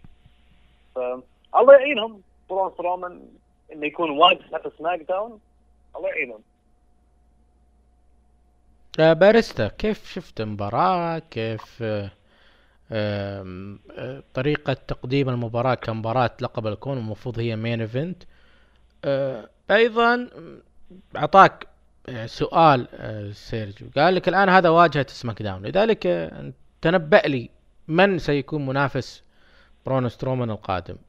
جولدبرغ هي ما راح نتكلم خلاص دب دبليو إذا احتاجوا واحد يعبي لهم يجيب لهم ناس وتذاكر مشاهدين دقوا عليه وجاء. لكن سترومان الآن هو واجهة سماك داون. آه بالنسبة للخصم برون سترومان انت تسمح لي بس دقيقة بس. ليش تقول آم بعدين تبدأ آم بعدين ليه؟ بالنسبة لي آه، أتوقع إنه ممكن يكون بري وايت. مين؟ بري وايت. جميل. بس أحس إنها بدري يعني إنه فايز من جون سينا وهذا بطل جديد. يا شباب. خلوه الليلة الثانية راح تجيها. لا تدخلون الليلتين مع بعض. خلاص إن شاء الله. لا لكن آه، للأسف المباراة ما تعليق. ما لا لازم تعليق. الناس بتسمع رأيك. كيف لا تعليق؟ إلا لازم تعليق. ماني سعيد أنا فوز برون سترومان أنا عارف انك تبي كوربن هو اللي يكون باللحظة هذه لكن لا خلاص وإذا. تبين من الأساس أنا ماني سعيد بفوز جولدبرغ على بري وايت ده عارفين انك انت تبي إنه كوربن هو اللي يفوز على الفيند داري والله بس الآن هذا اللي قدامنا هذا اللي صار اترك الأحلام مو مو قصة مو قصة إنه. آه باري كوربن انه يفوز لا مم. إنه انت ينافس جولدبرغ ليش ياخذ اللقب؟ عشان مريت ها هذه النتيجة. أنا- أنا ماني مقتنع أساسا. يا أخي ليش يعني مشخصنها مع رومان رينز؟ يا آدمي ليش مشخصنها معاه عشان أوكل كوربن ماني- استلاب يعني. ماني شخصنا إذا أنت أعطيتني booking جميل أتقبله لكن تعطيني ال booking هذا وإن جولدبرغ يفوز على بري وايت والاخير يجيك سترومان ياخذ اللقب. وهو جالس شهر ببيته. رأيك يا سيرجيو ذا فيند ضد سترومان what's next يب آه ذا فيند ضد سترومان هم عندهم قصة مع بعض كانوا مع الوايت فاميلي مع بعض وبرون وبري وايت هو اللي اختار برون سترومان يكون جزء من الوايت فاميلي وهو اللي يبين له يبين في عالم المصارعة مع إنه في مباراة ما انساها المباراه هذه ما انساها من أسوأ المباريات اللي شفتها في حياتي. كان الوايت فاميلي ضد الدادلي بويز تومي دريمر وراينو مباراة أعتقد hardcore كانت ولا شيء. هذه من أسوأ المباريات صارت في رو و... وأذكر مستوى برون سترومان الزفت في المباراة هذه. على العموم آه المباراة حلوة بين الاثنين بس أنا ما أشوف برون سترومان يعني على طول راح يواجه بري وايت أنا أشوف برون سترومان عداوته الجاية بيكون ضد سامي زين. بقول لكم ليش. ليش؟ عشان عشان يفوز على شينسكي وعشان يدمر سيزارو عشان يفوز على سامي زين بعدين عشان يعني يعطونا الدفعة يعطونا ال- المصداقية إنه يفوز على هال على هالكمية النجوم ويقولون لنا هذا هو نجمنا القادم إن هذا هو بطلنا. إنه يفوز على الناس ويدمر الناس. أما كبري وايت عداوة حلوة بس أنا يقول نسويها في السمر سلام أحسن. ما تحتاج تكون في ماني ان ذا بانك أو في العروض القادمة. بشطح بفكرة. هي شطحة لأنه استحالة دب دبليو تسويها. بسبب اللي سواه رومان ريز تتوقع إنهم ممكن يرجعونه هيل؟ أوه. بهالسرعه ما أدري يستغلون الوضع يعني إنه يرجعونه هيل وإنه انت هربت وما أدري إيش وعذرك. تعرف لما يكون في واقعية من ناحية القصص وإلى آخره؟ إيش رأيك؟ فكرة جميلة بس رومان صعب يكون heel.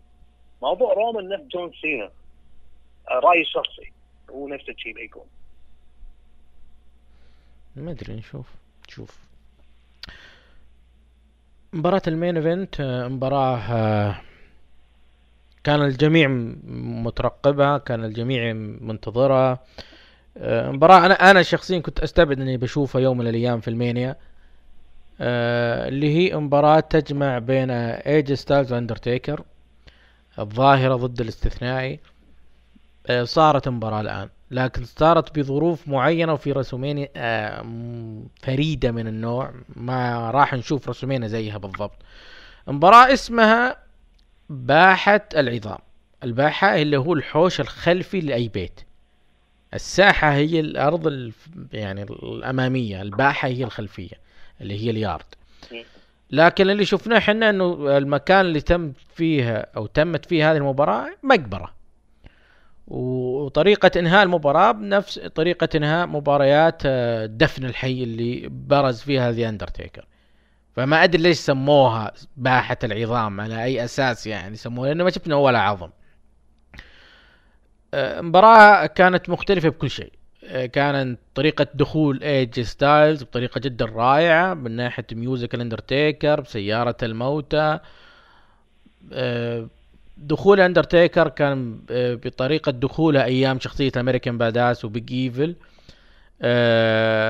لكن طلع عليه بشخصية مارك كالوي اللي شفناه في آه، عرض الرو go home واللكنة الجنوبية لكنة أهل تكساس اللي تكلم فيها الاندرتيكر إنه بتشوف مارك كالوي اللي هو استدعاه اي جي ستايلز ظهر فيها. لكن داخل المباراة لا ما زلت تشوف إنه غير ال look look American Badass لكن الأداء داخل المباريات أو داخل المباراة هذه كان أداء سيد الظلام. واضح من ناحية إنه سوى عدة حركات داخل المباراة تثبت إنه ما زال هو سيد الظلام. mix حلو. ويظل عندي سؤال. ليش لما جون سينا حاول يستدعي هذا مارك كالوي ما شفناه شفنا سيد الظلام. ليش لما استدعاه جون سينا؟ ليش ما شفنا هذا؟ هذا أفضل حلو إنه شخصية سيد الظلام انتهت في الراسلمينيا 33 على يد رومان رينز لما نزل ال- ال gear أندرتيكر وقبل ميشيل ماكول ومشى. فالمفروض إنه هذا ظهور يكون بهالطريقة هذه قدام جون سينا اللي هو ذا اندرتيكر ما سووها. ما أدري ليش و why الآن سووها. أيضا الأندرتيكر آه، كان آه، مرتاح تماما داخل المباراة. السبب أكيد تصوير سينمائي يعني ما راح يكون زي اداؤه على الحلبة. أيضا اي جي ستايلز قدم دور أخرج فيه ذا اندرتيكر وأخرج لنا المباراة بشكل جدا حلو. رغم إنه اللي يشوف المباراة يقول اي جي ستايلز وش سوى؟ ما سوى شيء. كيف ما سوى شيء؟ هو اللي شال المباراة.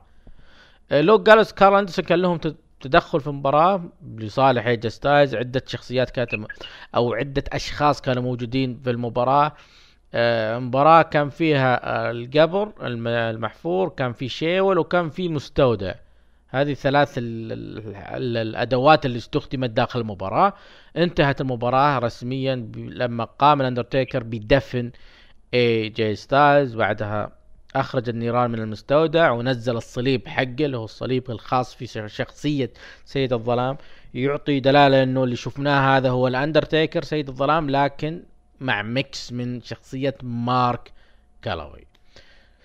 سيرجيو المباراة هل هي كانت على قدر التطلعات هل فعلا؟ آه وعلى فكرة ستيفاني ماكمان آه كتبت تغريدة شكرت فيه كل العيال اللي كانوا ظهروا في المباراة وأث وحطت الفرقة الغنائية اللي غنت موسيقى الدخول الأندرتيكر وخروجه مع mention تربل إتش. فهذا يعطيك إنه تربل إتش كان هو اللي كاتب المباراة هذه.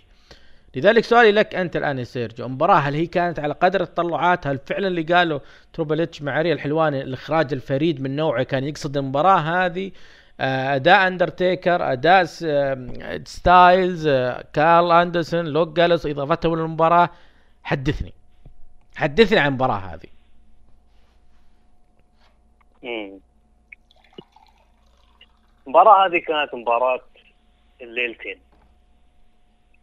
ولازم نفرق بين المباراة هذه مباراة ال Firefly Fun House والمباريات الثانية. إذا نبغى نحكم نحكم كمباريات مصارعة ومباريات entertainment ما ننسى أن WWE يعني بالأخير entertainment من ناحية entertainment الشغل اللي قدموه هني. اندرتيكر اي جي ستايلز ما ننسى لوك جالوس كارل اندرسون شغل عظيم عظيم جدا جدا جدا. وما ننسى حتى المباراة هذه يوم أنا شفتها أشوف اندرتيكر عادي ينافس كل سنة الحين كل سنة عطني مباراة بطريقه ال Boneyard Match وأنا بستمتع فيها في راسلمينيا يعني حتى يعني ما شفت أندرتيكر طاح ما اخذ له bump ولا سوى له حركة اي جي ستايلز فكان مقدم على راحته. وكان مستمتع أندرتيكر في البرومو يوم كان يتكلم مع اي جي ستايلز كان يقول له إيه مو أنت اللي كنت تبغى المباراة هذه؟ لا تجيب طاري مرتي مرة ثانية. وهو ياسي هاجمة. ال character كان جميل. الدخلة خرافية. وما ننسى دور اي جي ستايلز في المباراة هذه. صراحة الاي جي ستايلز قدم أكثر مما هو عليه إنه يبين أندرتيكر إنه هو القوي وبعده يقدر ينافس ويقدر يقدم. تمثيل اي جي ستايلز تمثيله كان حلو. ال selling كان يقدم ال selling بشكل جميل. فبشكل عام ال production كان خرافي. خرافي جدا. يعني أنا ما توقعت إن المباراة هذه أو ال- الفيلم اللي صار يطلع بالطريقة الجميلة هذه. كان في spot في المباراة. أتوقع ال spot هذا كانوا حاطينه لكين. يوم أندرتيكر رفع إيده ومرة طلع نار. فشكله كين ما قدر يلحق فسووا ال spot هذا مع أندرتيكر. فالشغل الشغل كان عظيم. شغل جميل. بس اللهم ال druids ما أدري ليش طلعوا. okay أنا أنا اعرف ال druids اللي هم كانوا لابسين لون أسود. هذيل مع اندرتيكر كيف بيكونون ضده هنا يعني هل النقطة الوحيدة اللي ما فهمتها ان هم يهاجمونه واندرتيكر يهاجمهم؟ ما فهمت النقطة هذه. لوك جالوس كارل أندرسون قدموا شيء حلو جميل مع اندرتيكر وبالأخير اندرتيكر فاز. إحنا دائما نقول إنه لازم تبني للمستقبل. كنت أتمنى ايجي ستايلز يفوز. بس فوز اندرتيكر يدل إن السنة الجاية بيكون موجود والسنة اللي بعديها إن شاء الله بعد يكون موجود. فمن ناحيتي أنا كانت شيء إيجابي. بس أنا في نقطه ثانية زعلت منها انه ما استعملوا أغنية ليمب بزكت keep rollin' rollin' rollin' أبغى الأغنية هذه. يستعملونها استعملوا الأغنية الثانية؟ بشكل عام مباراة جميلة مباراة خرافية ال production جميل خرافي. وأتمنى نشوفه أكثر مع اندرتيكر. السنوات القادمة. باريستا عبد الرحمن آه، قبل ما أقول كيف شفت المباراة آه، ما أنا أنا لي وجهة نظر أختلف فيها مع سيرجيو إن أنا أرى أن هذا أفضل ختام لمسيرة الأندرتيكر بالمباراة هذه يعني إن اندرتيكر يختم مسيرته بالطريقة هذه أفضل ختام له. لكن هل أنت تشوف إنه نفس كلام سيرجيو بالعكس إذا كانوا بتقدموا لي مباريات الاندرتيكر ونو بالغالب مباراة واحدة في السنة غير عروض السعودية بتطلعونه بهذه الطريقة. أنا أنت راضي عنها؟ يكون كل مباريات وإخراج سينمائي ما أبغى أشوفه على الحلبة؟ لا هذه ترى يعني حالة استثنائية اللي صارت. هم قدموا مباراة عظيمة وجميلة الجميع من شارك وقدموا يعني آه، مباراة ال- ال- المباراة اللي يقولون أنا بالنسبة لي هذه من أفضل المباريات اللي صارت في الثمانية ما كنا نتوقع هذا اللي يصير. يعني من الأشياء اللي شفناها الدراما. يعني أنا بالنسبة لي اندرتيكر إذا أنا مستعد إني أشوفه مستمر لكن أتمنى ما يكون آه، خصمه يعني نجوم كبار. يكون نجوم يعني يق- يقدر يشيلون اندرتيكر معهم. يشيلون بعض مثل ستايل ستايل ترى شال اندرتيكر بعد. صار تناغم بينهم. بالنسبة لي أنا أتمنى إنه إذا عم عندما ان اندرتيكر يستمر. أعطونا خصوصا مثل ستايل طيب سيرجيو ايجي ستايلز ما يكون هو منافس درو ماكنتاير القادم؟ أم، مباراة جميلة بتكون لو صارت بين الاثنين. بس آه، الحين ايجي ستايلز مات صح؟ بيختفي. لا لا مات شفنا إيده طالع. خلاص يعني ما في. طيب. لو بيرجع بسرعة هذه غلط صراحة. ما ندري وبيرجع بسرعة ولا لا. بس أنا أقصد إنه في خ... ثلاث اشهر أقصد في خيارات. يعني هناك خيارات ل WWE بول هيمن في رو مين بيكون منافس درو ماكنتاير القادم؟ أنت من تتوقع؟ أنا أقول سيث رولينز نسبة عالية بعده يجي ايجي ستايلز ثلاثية حلوة. مم. ثلاثية لحالهم اللي هو بس أنا أقصد إنه في خيارات في رو. سترومن كلام باريستا حلو إنه بري وايت خيار رائع جدا لسترومن طيب تقييمك سيرجيو تقييمك لرسلمينيا من عشرة وأفضل مباراة ونجم الليلة الأولى. أفضل مباراة مباراة اندرتيكر تقييم العرض كامل أعطيه أعطيه سبعة ونص العرض هذا. نجمه لأن لأن ال main event ال main event روحه كان بس خرافي. نجم ال ايجي ستايلز ايجي ستايلز نجم العرض ايجي ستايلز نعم. باريستا؟ تقييمي له سبعة من عشرة. امم حلو. طبعا مباراة, العرض ما فيها جدال اندرتيكر وايجي ستايلز نجمه نجم العرض نجم العرض اللي شاركوا بمباراة اندرتيكر وايجي ستايلز جميعا اثنينهم. آه أنا أعطي أيضا سبعة ونص من عشرة. آه أفضل مباراة أكيد تيكر وستايلز. ونجم العرض أنا بالنسبة لي اندرتيكر يعني كان نجم الليلة الأولى وممكن نجم الليلتين كلهن. طبعا متابعينا عن طريق تويتر آه، أعطوه خمسة إلى ثمانية بنسبة خمسة وثلاثين بالمية يعني تقريبا نفس تقييمنا في البودكاست. الليلة الأولى وما أدراك ما الليلة الأولى؟ الليلة الأولى أنا أشوفها أق... الليلة الثانية أشوفها أقل من الليلة الأولى من ناحية المستوى. كانت جدا جدا جدا أضعف بكثير. وافتتحت الليلة الأولى بمباراة لقب ال NXT آه للنساء بين حاملة اللقب ريا ريبلي وبطلة رويال رامبل النساء 2020 شارلوت فلير مباراة أخذت وقت طويل جدا جدا جدا جدا جدا. يعني أخذت وقتها الكافي وزيادة الوقت الكافي وزيادة. لكن انتهت بطريقة صادمة ما حد كان متوقعها اللي هو آه، أنا أتكلم عن نفسي ما كنت متوقعها إنه شارلوت فلير تخضع ريا ريبلي وتنتزع منها لقب نساء NXT. سيرجيو كان صادم كان مفاجئ اللي حصل؟ نعم كانت مفاجأة. بس شارلت تستاهل تاخذ اللقب والحين خلينا نفكر بالمستقبل. من ناحية المباراة أول شيء المباراة طولت كثير. ما أدري ليش الخصم يبون يراوون. لا الحريم لازم نعطوا لهم وقت.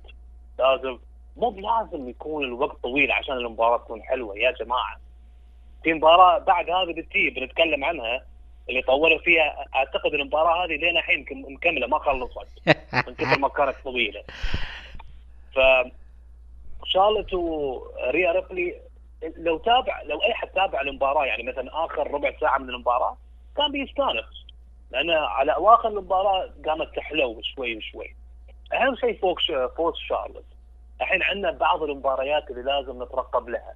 شارلت ضد إيو شيراي شارلت ضد كانديس لوراي آه شارلت ضد بيانكا بلير ما ننسى المباراة هذه اللي وأنا أشوف شارلت بتكون إضافة جميلة في NXT بس الله يعينه اندرادي لأنه هو بيكون برو وهي بتكون في NXT فكيف بيكونوا مع بعض ما أدري. بس أشوف خطوة حلوة خطوة ذكية إن شارلت هي تاخذ اللقب. وبعدين عادي ريا ترى بتنافس شارلت مرة ثانية. عادي تاخذ اللقب منها مرة ثانية. بس الفترة هذه خلوا اللقب مع شارلت خلى هي تعطي دفعة للحريم الثانيات مو- الموجودات في ان إكس تي وتكون إضافة جميلة للمنتج. باريستا NXT بحاجة لتشارلوت تشارلوت آه، هل ال WWE ما لقوا لها قصص في ال roster الرسمي راحوا ودوها ال NXT تشارلوت كيف تقيمها بفئة النساء؟ هل هذا الظلم لها؟ هل هذا دور إ- إداري أو دور ريادي لها إنها تق... يعني تعمل مع المواهب النسائية القادمة؟ كيف شايف وضع تشارلوت الآن بطلة NXT طبعا تستاهل شارلوت فوزها باللقب لكن أنا ما حبيت طريقة الانهاء المباراه صراحة. هذه المباراة تذكرني يعني اسكا وشارلوت يوم تخضع اسكا وتكسر سلسلة اسكا أنا ما عندي مشكلة فوز شارلوت تستاهل. وهي رقم واحد بالنساء بالنساء جميع الاتحادات. لكن ان تفوز كذا لا ما حبيتها. لا ننسى أنه ريا ريبلي خذت اللقب من شينا بيزر ضخمتها. تخسر بالاخضاع شيء غريب والله اللي صاير. بعدها جت مباراة آه، ما أدري يعني أنا والله أتكلم جد يعني ما أدري كيف أقول كيف بناءها ليش حطوها ليش صارت وشو له وش سلفتهم والله ما أدري. مباراة نجوم عرض رو أليستر بلاك وبابي لاشلي وأكيد اللي تحمل قرار هذا هو واحد اسمه بول هيمن. آه، شفنا لاشلي آه، new gear جديد مختلف أول مرة نشوفه فيه. آه، ما أدري بس نحفه كثير. وشفنا لانا بعد سابقة الشعر ومتغير فيها حاجات ما أدري وش مغيرها. المباراة ما أخذت ولا سبع دقائق وانتهت بفوز أليستر بلاك. سيرجيو ليش شفنا المباراة هذه في المانيا؟ سؤال صعب. تسألني أسئلة صعبة وما أقدر أجاوبها آه، ما أدري ليش المباراة صارت بس بالنسبة للمباراة أنا أشوف آه، يعني السبب السبب الرئيسي إن بوبي لاشلي خسر ولانا يوم قالت لا لا تسوي suplex سوي ال spear spear وآخر شيء أليستر بلاك اعطاه ال Black Mass وفاز المباراة هذه. هذا بس يدل إن شيء واحد بيصير في المستقبل ان, إن لانا راح تستوي مديرة أعمال أليستر بلاك. وهي اللي لا تأخذ تمام الأمور مع أليستر بلاك. فحلو يعني لانا أشوف من الفترة اللي هي بدت فيها من ناحية العلاقات العامة وعلاقات اليوم أول شيء دولف زيجلر بعدين بوبي لاشلي الحين أليستر بلاك. يعني حلو إن هي جالسه تنوع. وهي مستانسة بحياتها تنوع. تجديد. تجديد. إيه ف خلاص خلها هي مستانسه وتسوي الأمور هذه. أما بمستوى المباراة مباراة عادية جدا جدا جدا. المفروض تكون ب رو يعني ما تكون في راسلمانيا يا كثر. المباريات المفروض تكون ف رو آه، باريستا عبد الرحمن ترى أليستر بلاك متزوج زيلينا فيجا يعني فصعبة يعني تصير هذه. لكن يعني ما أدري وش أسألك عنه لكن شلون شفت آه، لانا و new look لانا؟ حدثنا بدامك متخصص. لا لا لا لا. والله العظيم حرام إنك تجلس في الدبليو لي. ليه؟ والله حرام تجلس في ليجا واحدة. أفا ليه؟ معطينا كل كل أو- معطينا كل شيء. من أنت تاخذين كل شيء؟ مين أنت؟ مثلت مع بروس ويلس يعني. والله عاد هي ممكن لها أشياء. يعني تبادر للإدارة بطريقة ما هذا شيء ثاني. تاخذ تعال والله ما مشيها لك تعال. إيش قصدك؟ تبادر أفلام بأشياء وثائقية بعد. أفلام وثائقية أفكار يعني وعلى طار الأفلام الوثائقية نروح لمباراة دولف زيجلر أوتيز. أقل شيء المباراه هذه في قصة لها يعني. بغض النظر في ناس يحبون القصص ذي في ناس يكرهون القصص هذه بالأخير في قصة يعني في storyline ماشي وشغال أسبوع ورا أسبوع ورا أسبوع. دولف زيجلر وأوتيز صار في تطور في عرض سماك داون الأخير إنه خرج شخص غامض آه، بث عدة فيديوهات من كاميرات المراقبة اللي داخل القاعات. أول مرة أشوف كاميرا مراقبة تصير بوجه الواحد آه، إنه السبب آه، إن آه، سونيا ديفيل هي اللي أخذت جوال ماندي وأرسلت إلى أوتيز إنه تراها بتتأخر عنك ساعة وماندي لما درت إنه تتأخر ساعة راحت دقت على زيجلر إنه يجي بدال أوتيز. ما أدري كيف في أحد يسوي الحركات هذه. عموما بالأخير إنه سونيا ديفيل خانت آه، ماندي مع دولف زيجلر عشان تخرب علاقة ماندي مع اوتيز بس إنها تدخل بعلاقة مع دولف زيجلر. أنا ما أدري وش يقصدون فيها يعني إنه إنه سونيا ديفيل تبغى اوتيز ولا تبغى ماندي؟ تبغى مين بالضبط منهم؟ إذا كانت تبغى ماندي يعني أنا بشرح لك. إذا تبغى ماندي ليش تدخلها مع دولف زيجلر؟ وتخرب علاقتها مع كل الاثنين مو تضبط علاقاتها مع زيجلر. هذا قصدي أنا. عموما المباراة انتهت بفوز آه، أوتيز على دولف زيجلر بعد تدخل من ماندي لما صفقت آه، آه، سونيا ديفيل وسوت حركة لزيجلر وما أدري أتكلم عن لبس ماندي ولا أخليها بعدين لكن تفضل سيرجيو. إيش رأيك يعني؟ واشرح لنا؟ وش قصة السونيا ديفيل يعني؟ أنا بقول لك يوم يوم الشباب يطلعون. أنا ما أعرف الأمور بس هم يخبروني. يعني يطلعون برا ويشوفون وحدة مزة وحدة حلوة؟ العادة المزة يكون معاها وحدة خسفه الشيء معروف. زين؟ أيوه واحدة شكلها يعني نعالي نعالي احلامها زين؟ أنت الحين تبغى تتعرف على الحلوة المزيونة. إذا بتصير بتكلمها ال- الخايسة بتخرب عليك. لا ليش لا, لا, لا تسيرين معاه لا تطلعين معاه ما أدري شنو هالامور فأنت هني لازم تلعبها صح شو تسوي؟ شو تسوي؟ تجيب رأس الخفة بعدين تجيب رأس الحلوة عشان الأمور تكون طيبة عرفت؟ تاخذها by step. مم.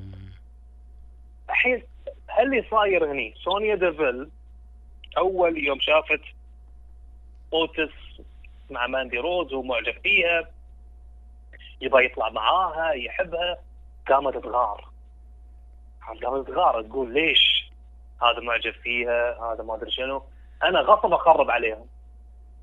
ليش هي عندها آه، معجب ما أدري شنو وأنا ما عندي؟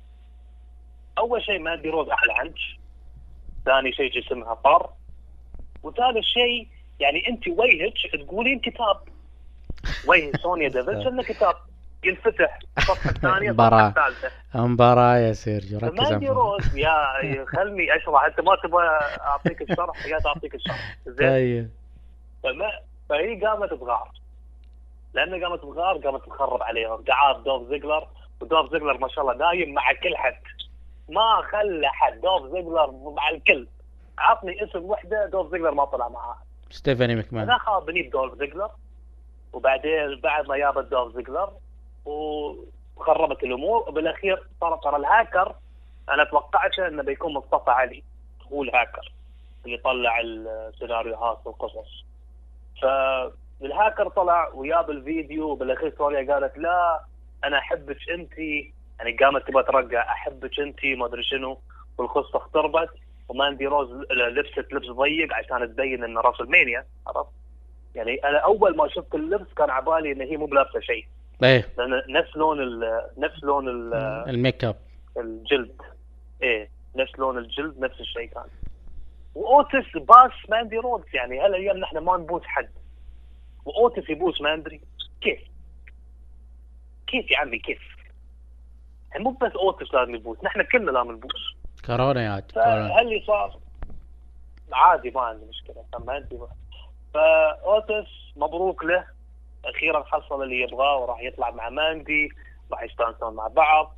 والقصة هذه أنا أشوفها على الأقل فيها في سبب في سيناريو في دراما. فالقصة هذه عجبتني كثير. وكان ختامها مسك. مو دائما يقول الباريستا يقول ختامه مسك. كان ختامه مسك فعلا. واوتس فاز وأتمنى القصة هذه تكمل لا، ونشوف لا. ماندي روز مع اوتس لا لا لا لا لا لا لا, لا فكنا منك. خرابيط بروس بريتشارد وأنا بيها. آه، باريستا هل بنشوف بعد ال آه، مانيا نشوف دولف زيجلر بعداوة مع الهاكرز اللي قد يكون مصطفى علي؟ ولا أنت متحمس إنك تشوف مصطفى علي مع دولف زيجلر بعداوة؟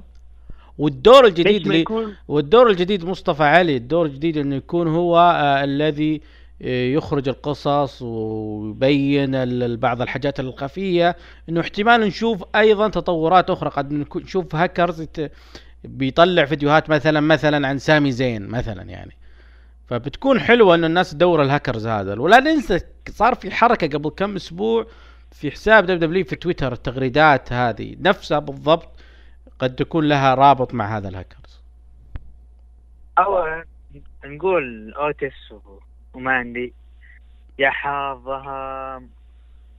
إي والله يا حظهم. بالنسبة ل... ودك تصير مع أوتيزا؟ لا يا عقب. طيب ليش تقول يا حظهم؟ قول يا حظه هو. يا يا حظهم إيه ف... ليش ما نقول بوبي رود؟ بدل مصطفى علي glorious بوبي رود؟ كان. نحيف كان نحيف الهاكرز. ما كان معضل. أنا أتمنى يكون بوبي رود. بوبي رود؟ ما أدري. أتمنى يطلع من ظل موضوع ال tag team من أيام ما كان مع tag تشاد team؟ جيبل و... قصدك يطلع- من ظل بارن كوربن.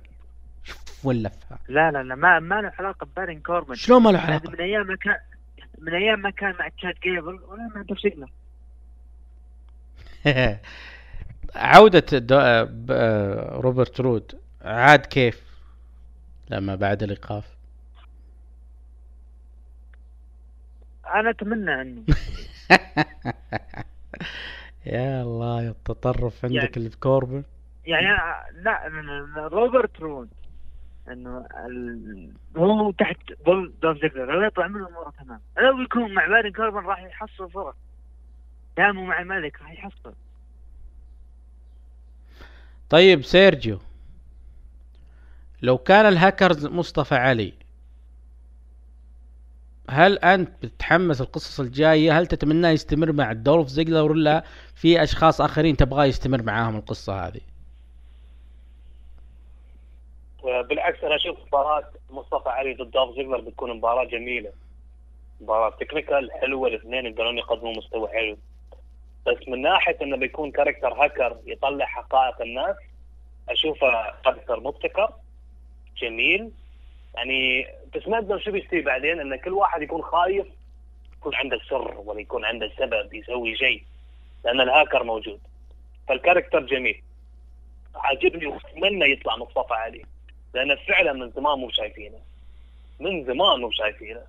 والولد يقدر يقدم مستوى حلو حركاته في الحلبة عظيمة. شغله برا على الحلبة من ناحية الشاريتي وغيره شغله عظيم شخص عظيم. فبالعكس مصطفى علي أتمنى يكمل بالكاركتر هذا. وعداوته مع دولف زيجلر أشوفها تكون بداية حلوة له.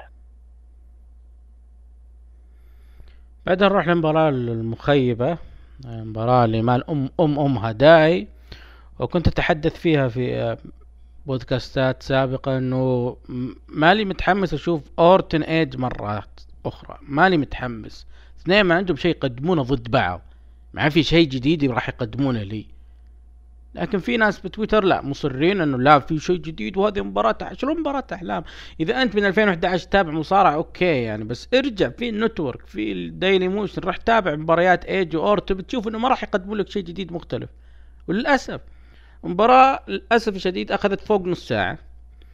مباراة اسمها Last Man Standing ما شفنا شيء عن Last Man Standing الشيء المختلف فيها إنه ورونا مركز WWE تدريبي. كل يعني آه، المبنى كامل وش مرافق هذا المبنى وروناها بس ما شفت فيها أي شيء يختلف عن أي مباراة Last Man Standing بل قد تكون مباراة ذا ضد شين مكمان Last Man Standing أفضل من هذه. أنا وجهة نظري.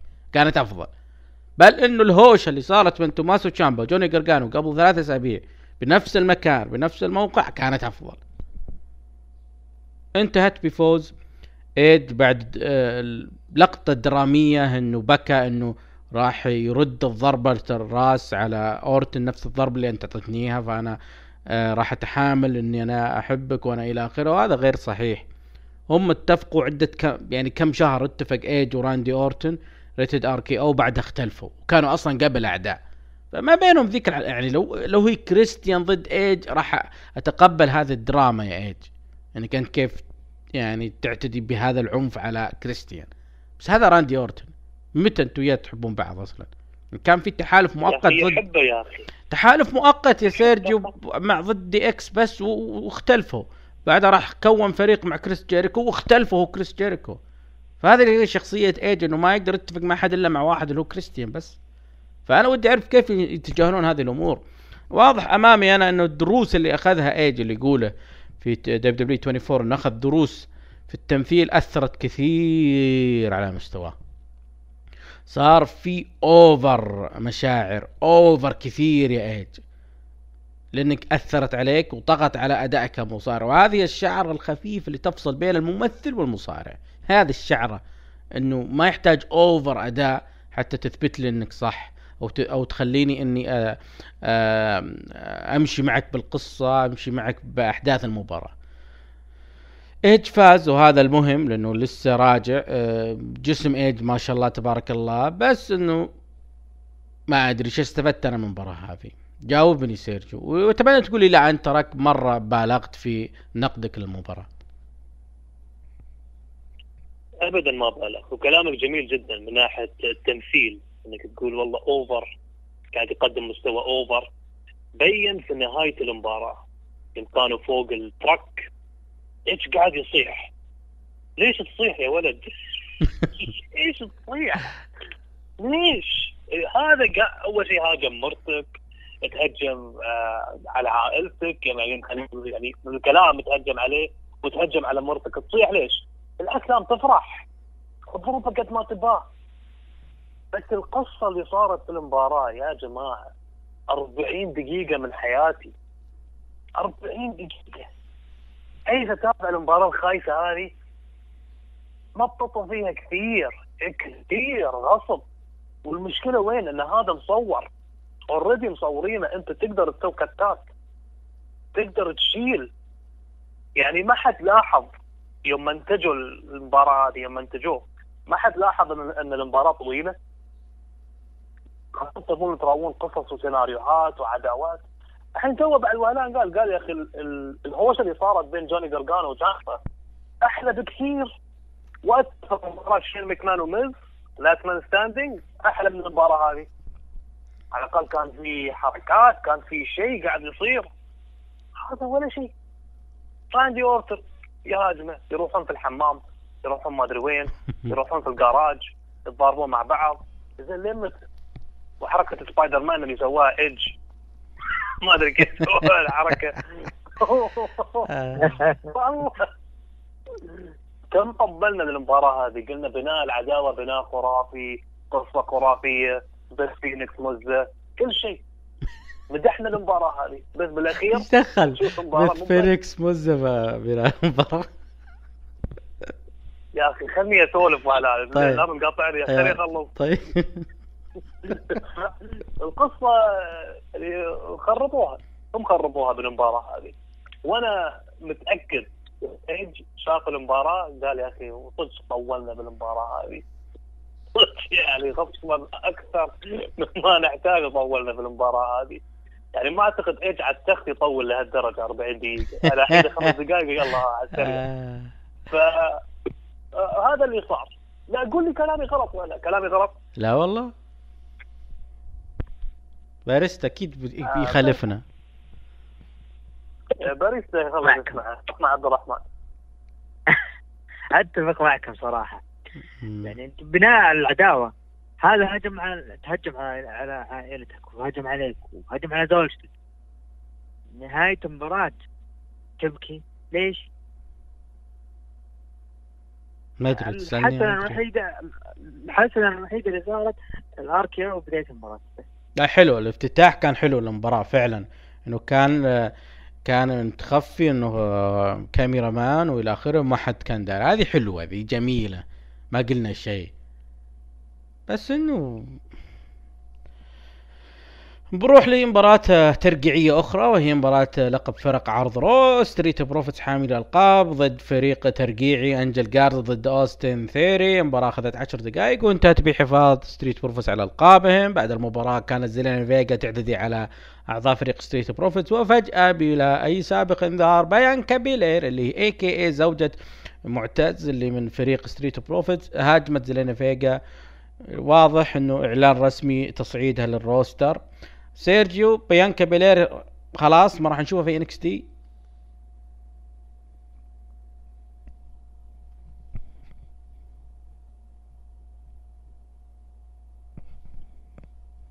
سيرجيو؟ يمكن راح الحمام. عبد الرحمن؟ آه لا لا تفضل. تسمعني؟ إيه إيه. لا تسمعني زين. آه قاعد أقول اتذكر كلامك في ديسباتش يوم أنا سألتك ليش اختاروا اوستن ثيوري للمباراة هذه؟ أنت قلت شكله شافوه طلع من الحمام. قال له تعال تعال تعال. نباك المباراة هذه تعال تعال. تعال نباك ففعلا اوستن ثيوري يعني ما له سبب يكون موجود في المباراة هذه. وفي الناحية الثانية انجل جارزا زين؟ انجل جارزا ترى نجم موهوب.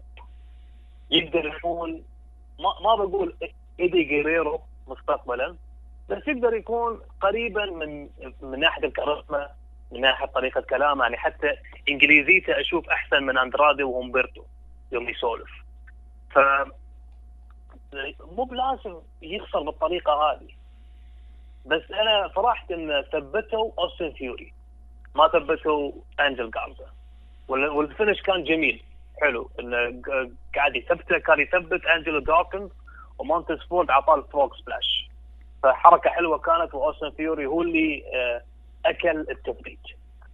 الحين سؤالي زلينا فيجا يوم دخلت وهاجمت أعتقد مونتس فورد بعدين جابوا بيانكا بلير قامت تدافع عنهم وتهاجم زلينا فيجا هل هذا يدل إن بيانكا بلير راح تتصاعد للعروض الرئيسية أم لا؟ فإذا الخطة إن هي تتصاعد أشوف البدري المفروض يصبرون. على الأقل سنة على بيانكا بلير عشان تتحسن الحلبة ومن ناحية ال character. بعدين يجيبون العروض الرئيسية. ما يتسرعون. وخوف. خوف لأنجلو دوكنز. إذا جابوا بيانكا ومونتس فورد بعدين خلاص يقطون أنجلو دوكنز برا ويركزون على هالاثنين. عبد الرحمن أنت مع فكرة آه، فصل فريق ستريت بروفيت إي نعم ما مونتس فورد، بالله. آه، مؤدي وم- والمايك. أفضل من دوكنز أنا بالنسبة لي. لكن أحس إنه بدري بدري تصله يعني فريق يقدم لك أشياء جميلة. أنا بالنسبة لي المباراة كلها باختصار عشان بيانكا بلير يدخل بس. تسليكية شرشرة مباراة أهم خطة أساسية عشان بيانكا بلير تدخل ويتم تصعيده.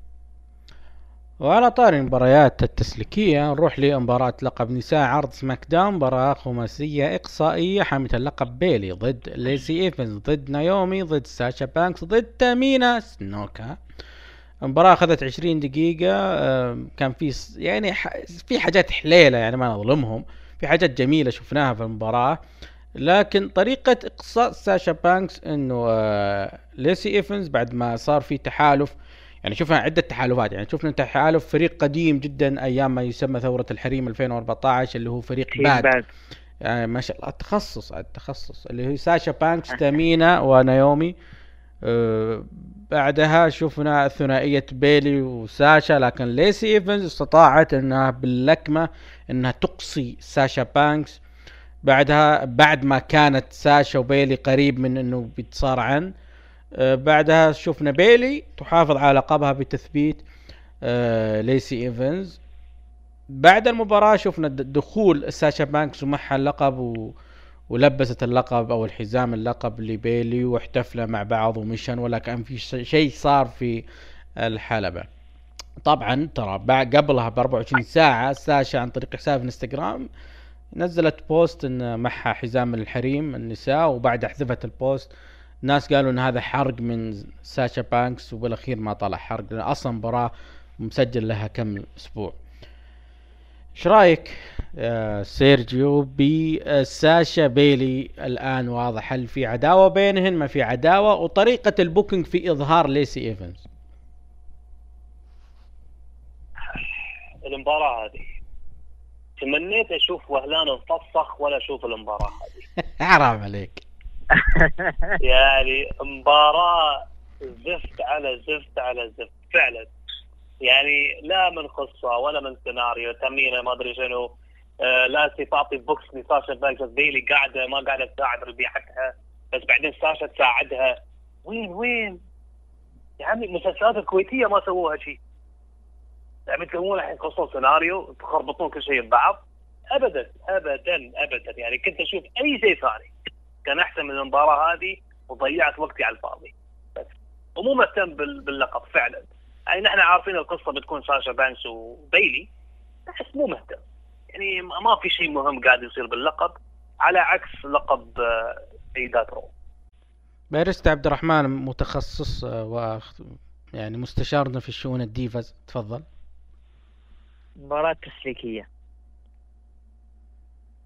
تسليكية باللي صاير فيها كله. أنا ما غاثن إلا تمينة على أي أساس جايبينه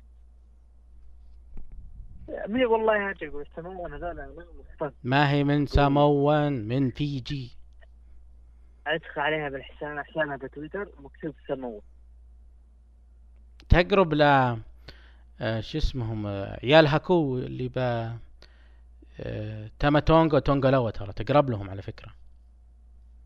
هي من السماوة عموما هو الواسطة.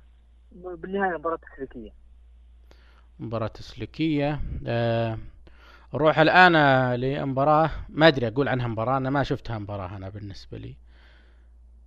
باير فلاي فان هاوس ماتش هذا النوع من المباريات اللي لا أحد يسألني وشو. ما أدري. أنا شفت بروموهات. لذلك سيرجيو. عشان ما أظلم المباراة هذه أنا. اشرح لنا المباراة هذه وش هي؟ اللي على على حسب اللي أنت شفته. okay أقول رأيي بكل صراحة. إيه. أنا أول شيء باخذ رأي ال- الباريستا. ما نتكلم تفضل. بالنسبة. هي ما هي مباراة. هيكون صريحين. بروموهات. اللي صاير بروموهات وأنا بالنسبة لي أعجبتني. لما نتكلم كبروموهات. مباراة ما في. ولو صارت مباراة أنا بالنسبة لي تكرار. هذا شيء جديد انك تسويه. شيء جديد إنه يصير. يعني لما يجيبون لك الأشياء اللي صارت القصص القديمة فنس مكمان دبليو سي دبليو ان دبليو الأشياء اللي صارت هذه حلوة وجميلة. هي حلوة إيش بتاعي انت تتكلم عن مباراة بين الفيند وجون سينا. يعني انت يعني اول اول اسمع أول شيء جبته لما فقر لما بري وايت قلد الكورت أنجل اللي هو ظهور جون سينا الأول. أوكي هذا جون سينا يعني بداياته. لكن إنك تروح تشطح إلى هولك هوجن ومستر تي وتشطح إلى هول- هولك هوجن إن دبليو أو إيش دخل إيش دخل هوجن الآن؟ يعني إيش دخل؟ ودي أعرف أنا هوجن وإيش دخل؟ إيريك بيشوف تشبيه. اي وش دخل؟ يعني أنت تتكلم عن عداوة بين الفيند وجان سينا.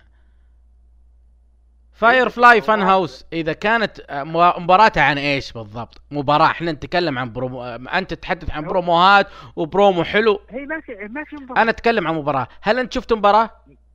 ما في مباراة. خلاص وشلون تروح تقول حلو اللي شو... هي بروموهات. طيب هذه بروموهات. أي أنا أنا أنا بالنسبة لي أتكلم ك- كفكرة. جميلة جدا بالنسبة لي أنا. فكرة إيش؟ البروموهات صح؟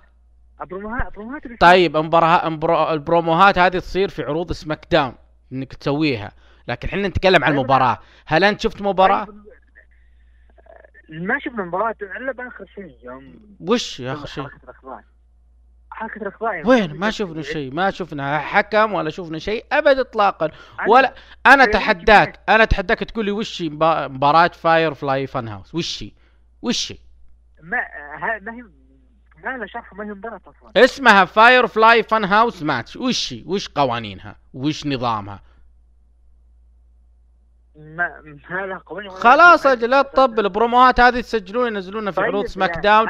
فهذه هذه اللي انت شفته Firefly Fun House هذه فقرات Fire Fu Firefly Fun House هذه الفقرات اللي دائما يسويها بري وايت هذه هي. لكن الماتش المباراة وشي ما راح أمشيها البروس بريتشارد. هذا اخبال هذا اللي صار فيه استهتار إنه يبي يغطي على تألق ونجاح آه، مباراة آه، باحة العظام حقت تروبل أنا بسوي حاجة أفضل. وشي إخراط.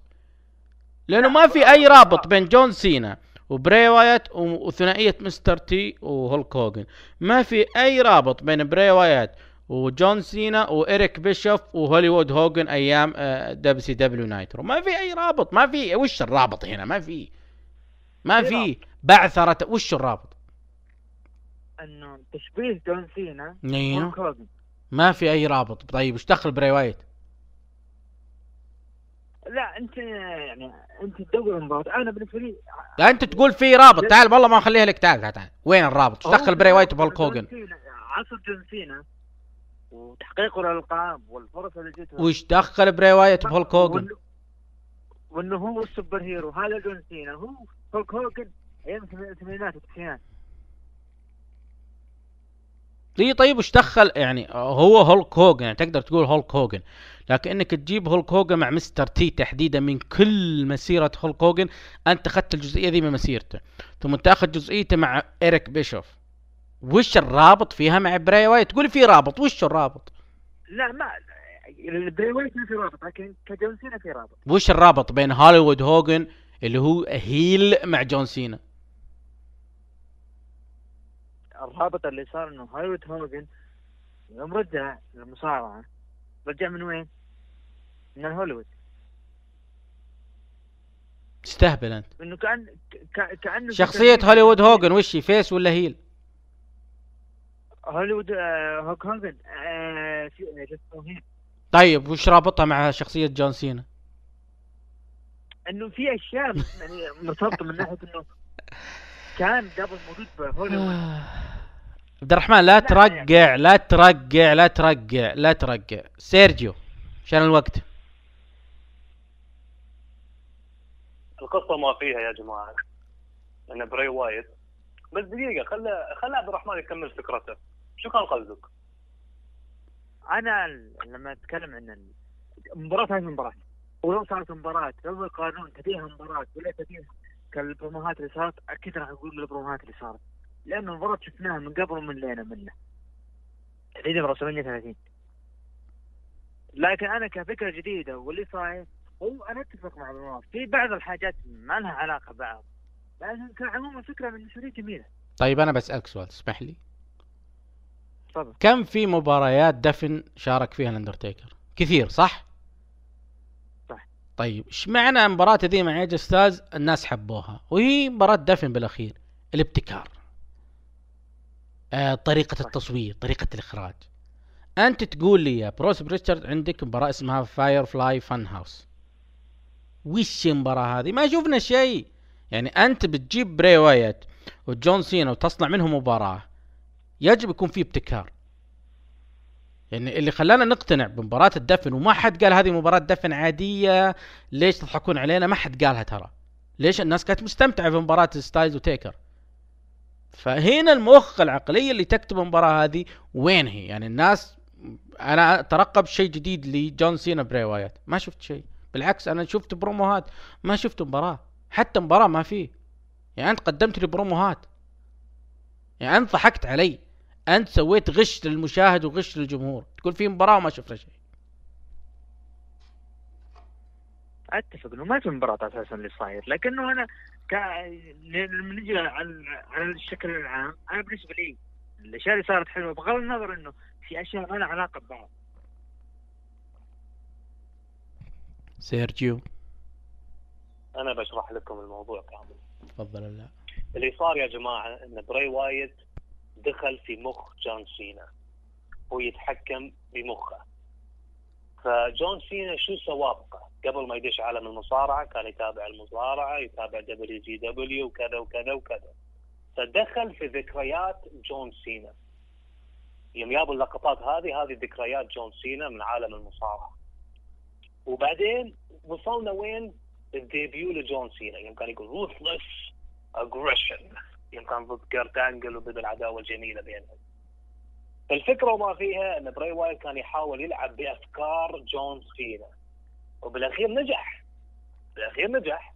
يوم سواله ال mandible claw وبعدين براي وايت طلع أعطاه 1 2 3 على أساس إنه فاز المباراه هذه. على كلام والحين هل هذه كانت مباراة؟ أنا أقول لا ما كانت مباراة. كانت نفس segment نفس ال Boneyard match بس ال Boneyard match كان فيه finish إنه خلاص دفن إيه جي ستايلز وشفنا إيد إيه جي ستايلز طالعة برا.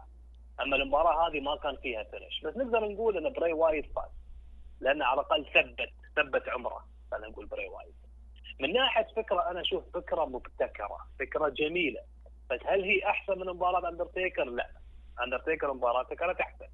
أما الفكرة هذه اللي سووها فكرة سينمائية قصة وسيناريو اللي سووها اللي فهمها أنا أقول آه، عجب الفكرة هذه اللي يحب أشياء الخياليه آه، بيحب الفكرة هذه. أما القدماء من أمثال جيم كورنت ما بيحبون المباراه هذه. ويقولون إن المباراه هذه مش جميلة وكذا وكذا, وكذا. انت وأنا ما أنت شخصيا تقول أنت شخصيا تقول ما هي مباراة. أنا ما أقول لا لا. أنا أقول هذه كانت فكرة فكرة سينمائية. بس مش م- مباراة. مش مباراة. هذا أنا نقطتي هنا. اترك إنه فكرة حلوة إنك تدخل مخ جون سينا وإنه مستر مكمان يعلق عليها وإنه أقتبس جملة قالها دين آمبروز في بودكاست كريس جيريكو. أنا أقول لك يا عزيزي الغالي آه، أنا كفكرة وكهذه اي حلوة أنا تعجبني بس إنها segment برومو نشوفه في سماك داون يصير كذا إنه الف... لأنه هو جون سينا الفيند قال له let me in ففتح الباب للفيند وهي وهذه عقوبة إنك أنت كيف تفتح الباب للفيند يدخل في آه، عقليتك وذكرياتك صح ولا لا؟ هذه الفكرة. معي أنت؟ ورق. أكتبها فيها سيرجيو. لكن حنا نتكلم عن. مباراة داخل عرض الرسلمينيا كيف أنت تاخذ الفكرة هذه وتخليها لمباراة؟ هنا الابتكار.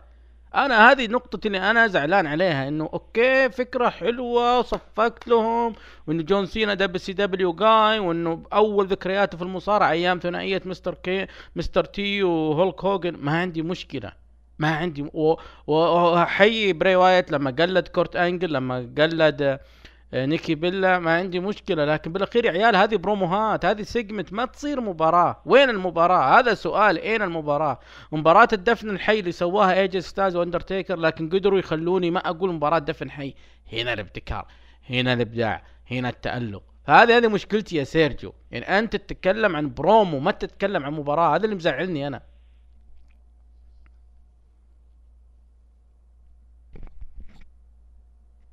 سيرجيو. نيكي بيلا تكون موجوده في ال segment هذا بس يلا مو مشكلة. ها؟ يمكن آه، لك يلا. كان touch لا حلوة. والله أنا عجب بس طيب إيش نقدر نلخصها سيرجيو؟ جملة. إيش شفت أنت؟ Firefly Fun House إيش شفت؟ أشوفها فكرة حلوة. أشوفها فكرة حلوة. آه، أتمنى يعيدونها بس يكون في finish آخر شيء. يعني okay آخر شيء يكون في الحلبة أو يكون برا الحلبة. مثلا يقولون من قوانين ال Firefly Fun House تثبيت أي مكان. مو بلازم يكون في الحلبة التثبيت يكون أي مكان. زين؟ ويختمونها بالطريقة هذه بالقصة الحلوة اللي سووها يختمونها بطريقة إنه يكون في finish وبس هل اللي نبغاه منهم. من- ف بوكس بوكس مال سماك داون كان موجود. وأتمنى يعني في قبل فترة يوم سماك داون انتقل لفوكس قالوا هالبوكس بيرجع؟ يوم كان في في ال entrance لسماك داون ففي في أشياء حلوة صارت في المباراة. بالعكس ال character اللي كان يقدمه جون سينا يوم آه، بري وايت طلع له على أساس ايريك بيشوف وجون سينا كان هولك هوجن يوم آه، بري وايت كان موجود ورا الكواليس على سنه الثمانينات كان tag team partner مالي موجود جوني بيج ميت اعتقد شيء شيء. شيء حلو يا أخي فكرة مبتكرة جديدة. نحن نبغى افكار أحسن. نحن دائما كنا نقول نبغى شيء مختلف. و WWE قاعدة تعطي شيء مختلف. من ناحية entertainment WWE الرقم واحد في عالم المصارعة. مع كل احترامي لكل الاتحادات هي الرقم واحد. من ناحية ال video packages من ناحية هالامور آه، اتمنى WWE تستغل الأفكار هذه ونشوف الأفكار هذه أكثر وأكثر. جملة واحدة باريستا. لخص للمستمعين وش Firefly Fun House match أفكار ماضي. لشخص ما هذا هو. أنا غير مستعد أشوفها مرة ثانية. نروح لل main event. مباراة آه، WrestleMania التقليدية tradition الكلاسيكية اللي هو بطل ال Royal Rumble ضد حامل لقب ال WW آه، قد تكون هي أقصر مباراة آه، من هذا النوع في تاريخ WrestleMania. ما وصلت ولا خمس دقائق. مباراة افتتحها آه، درو ماكنتاير ب Claymore. مفاجأة بعدين رد عليه آه، بروك ليزنر بكم suplex بعدين كم F 5 وكل F 5 آه، كان آه، يصحى منه درو ماكنتاير. بول هيمن الكل سمع صوته قال نستمر على هذا الوضع لنهاية الليلة. لازم إنه ننهيه بعدها قدر إنه آه، يصحى درو ماكنتاير ويسوي ثلاث أو أربع Claymore. ثبت فيها بروك ليزنر 1 2 3 درو ماكنتاير بطل WWE الجديد بعد ما انتزع اللقب من بروك ليزنر. سيرجيو main event رأيك فيه؟ طريقة كتابة آه، مجريات وأحداث المباراة وسير المباراة. بروك نز- ليزنر يخسر اللقب لدرو ماكنتاير في أول مواجهة فردية تجمعهم. هل هي لعانة بعد برومان رينز؟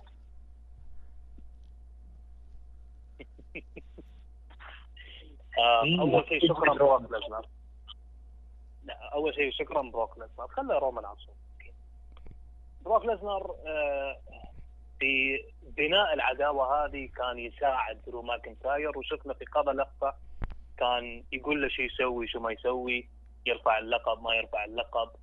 فبروك ليزنر شكله يحب درو ماكنتاير.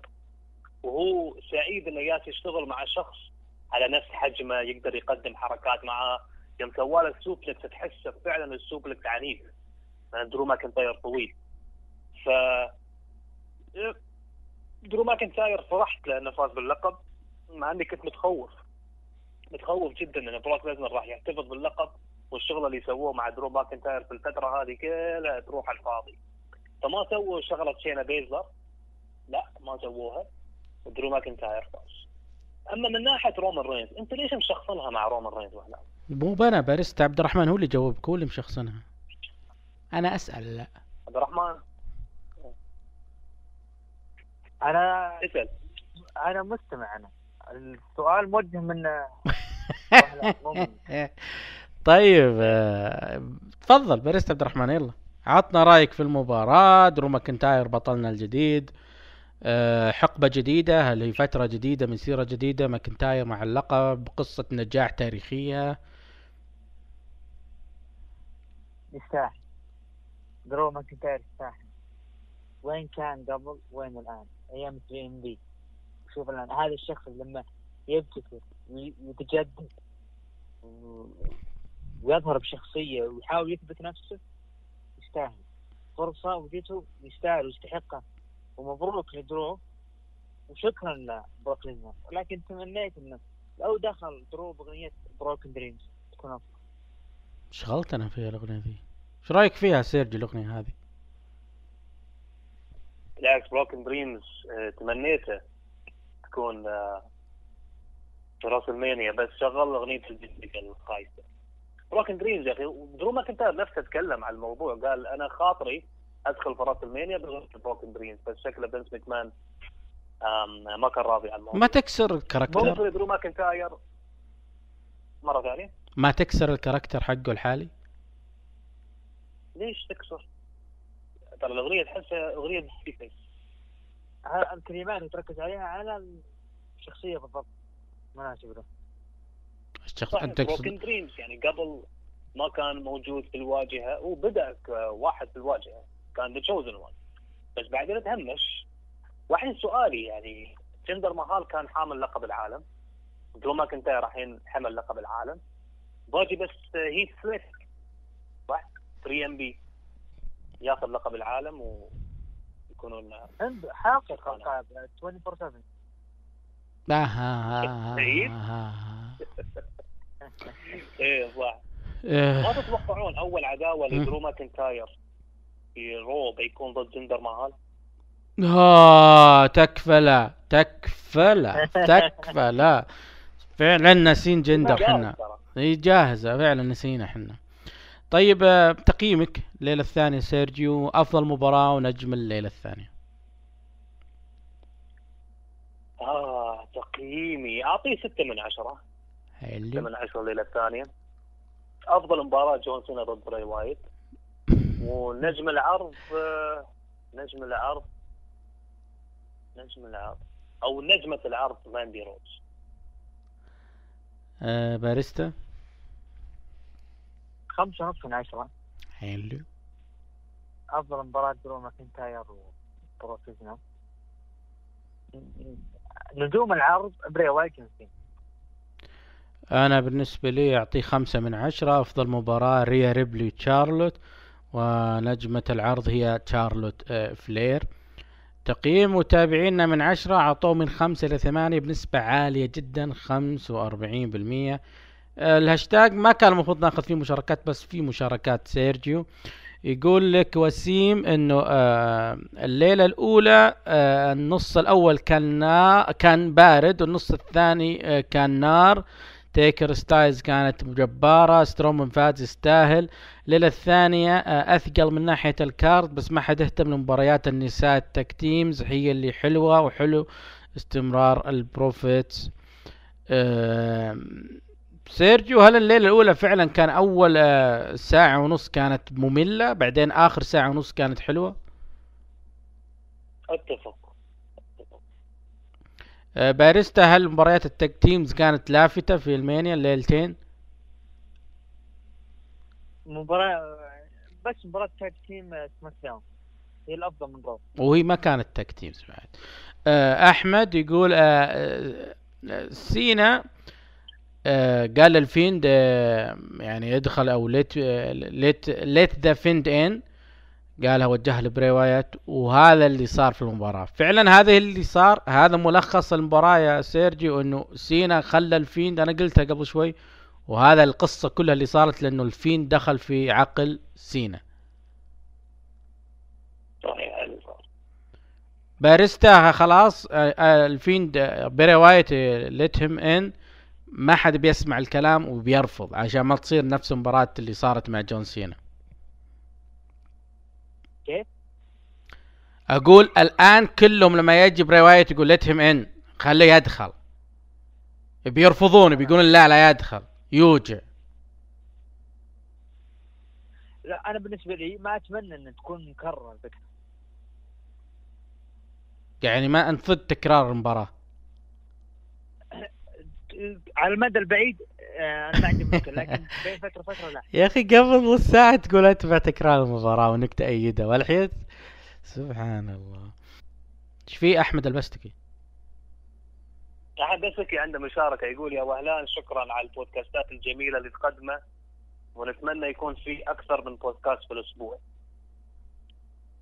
والله كذا بتضغطني الله يس... أحمد البستكي دايم يضغط الواحد. طيب. دائما يدق ساكت آه. طيب كلمة ختامية سيرجيو. آه، شكرا لكم وشكرا أعزائنا المستمعين. باريستا عبد الرحمن. شكرا لكم كانت حلقة جميلة. بس. حلقه جميله؟ إيه لا و- والدوت عنده عنده مشكلة في الدوت لما يحط الدوت كذا ويسكت ما أدري يعني أكمل ولا أنتظر في جملة ثانية ولا. ونقول إلى هنا نصل الختام بودكاستنا الاستثنائي للرسومينيا الاستثنائية. كان معكم تحية من علي من الإخراج سيرجيو جوردن باريستا عبد الرحمن ومحدثكم أهلان. بكرة بكرة ديسباتش أنا وسيرجيو إن شاء الله راح نتحدث أكثر وأكثر عن fallout انتظرونا. ودمتم بود.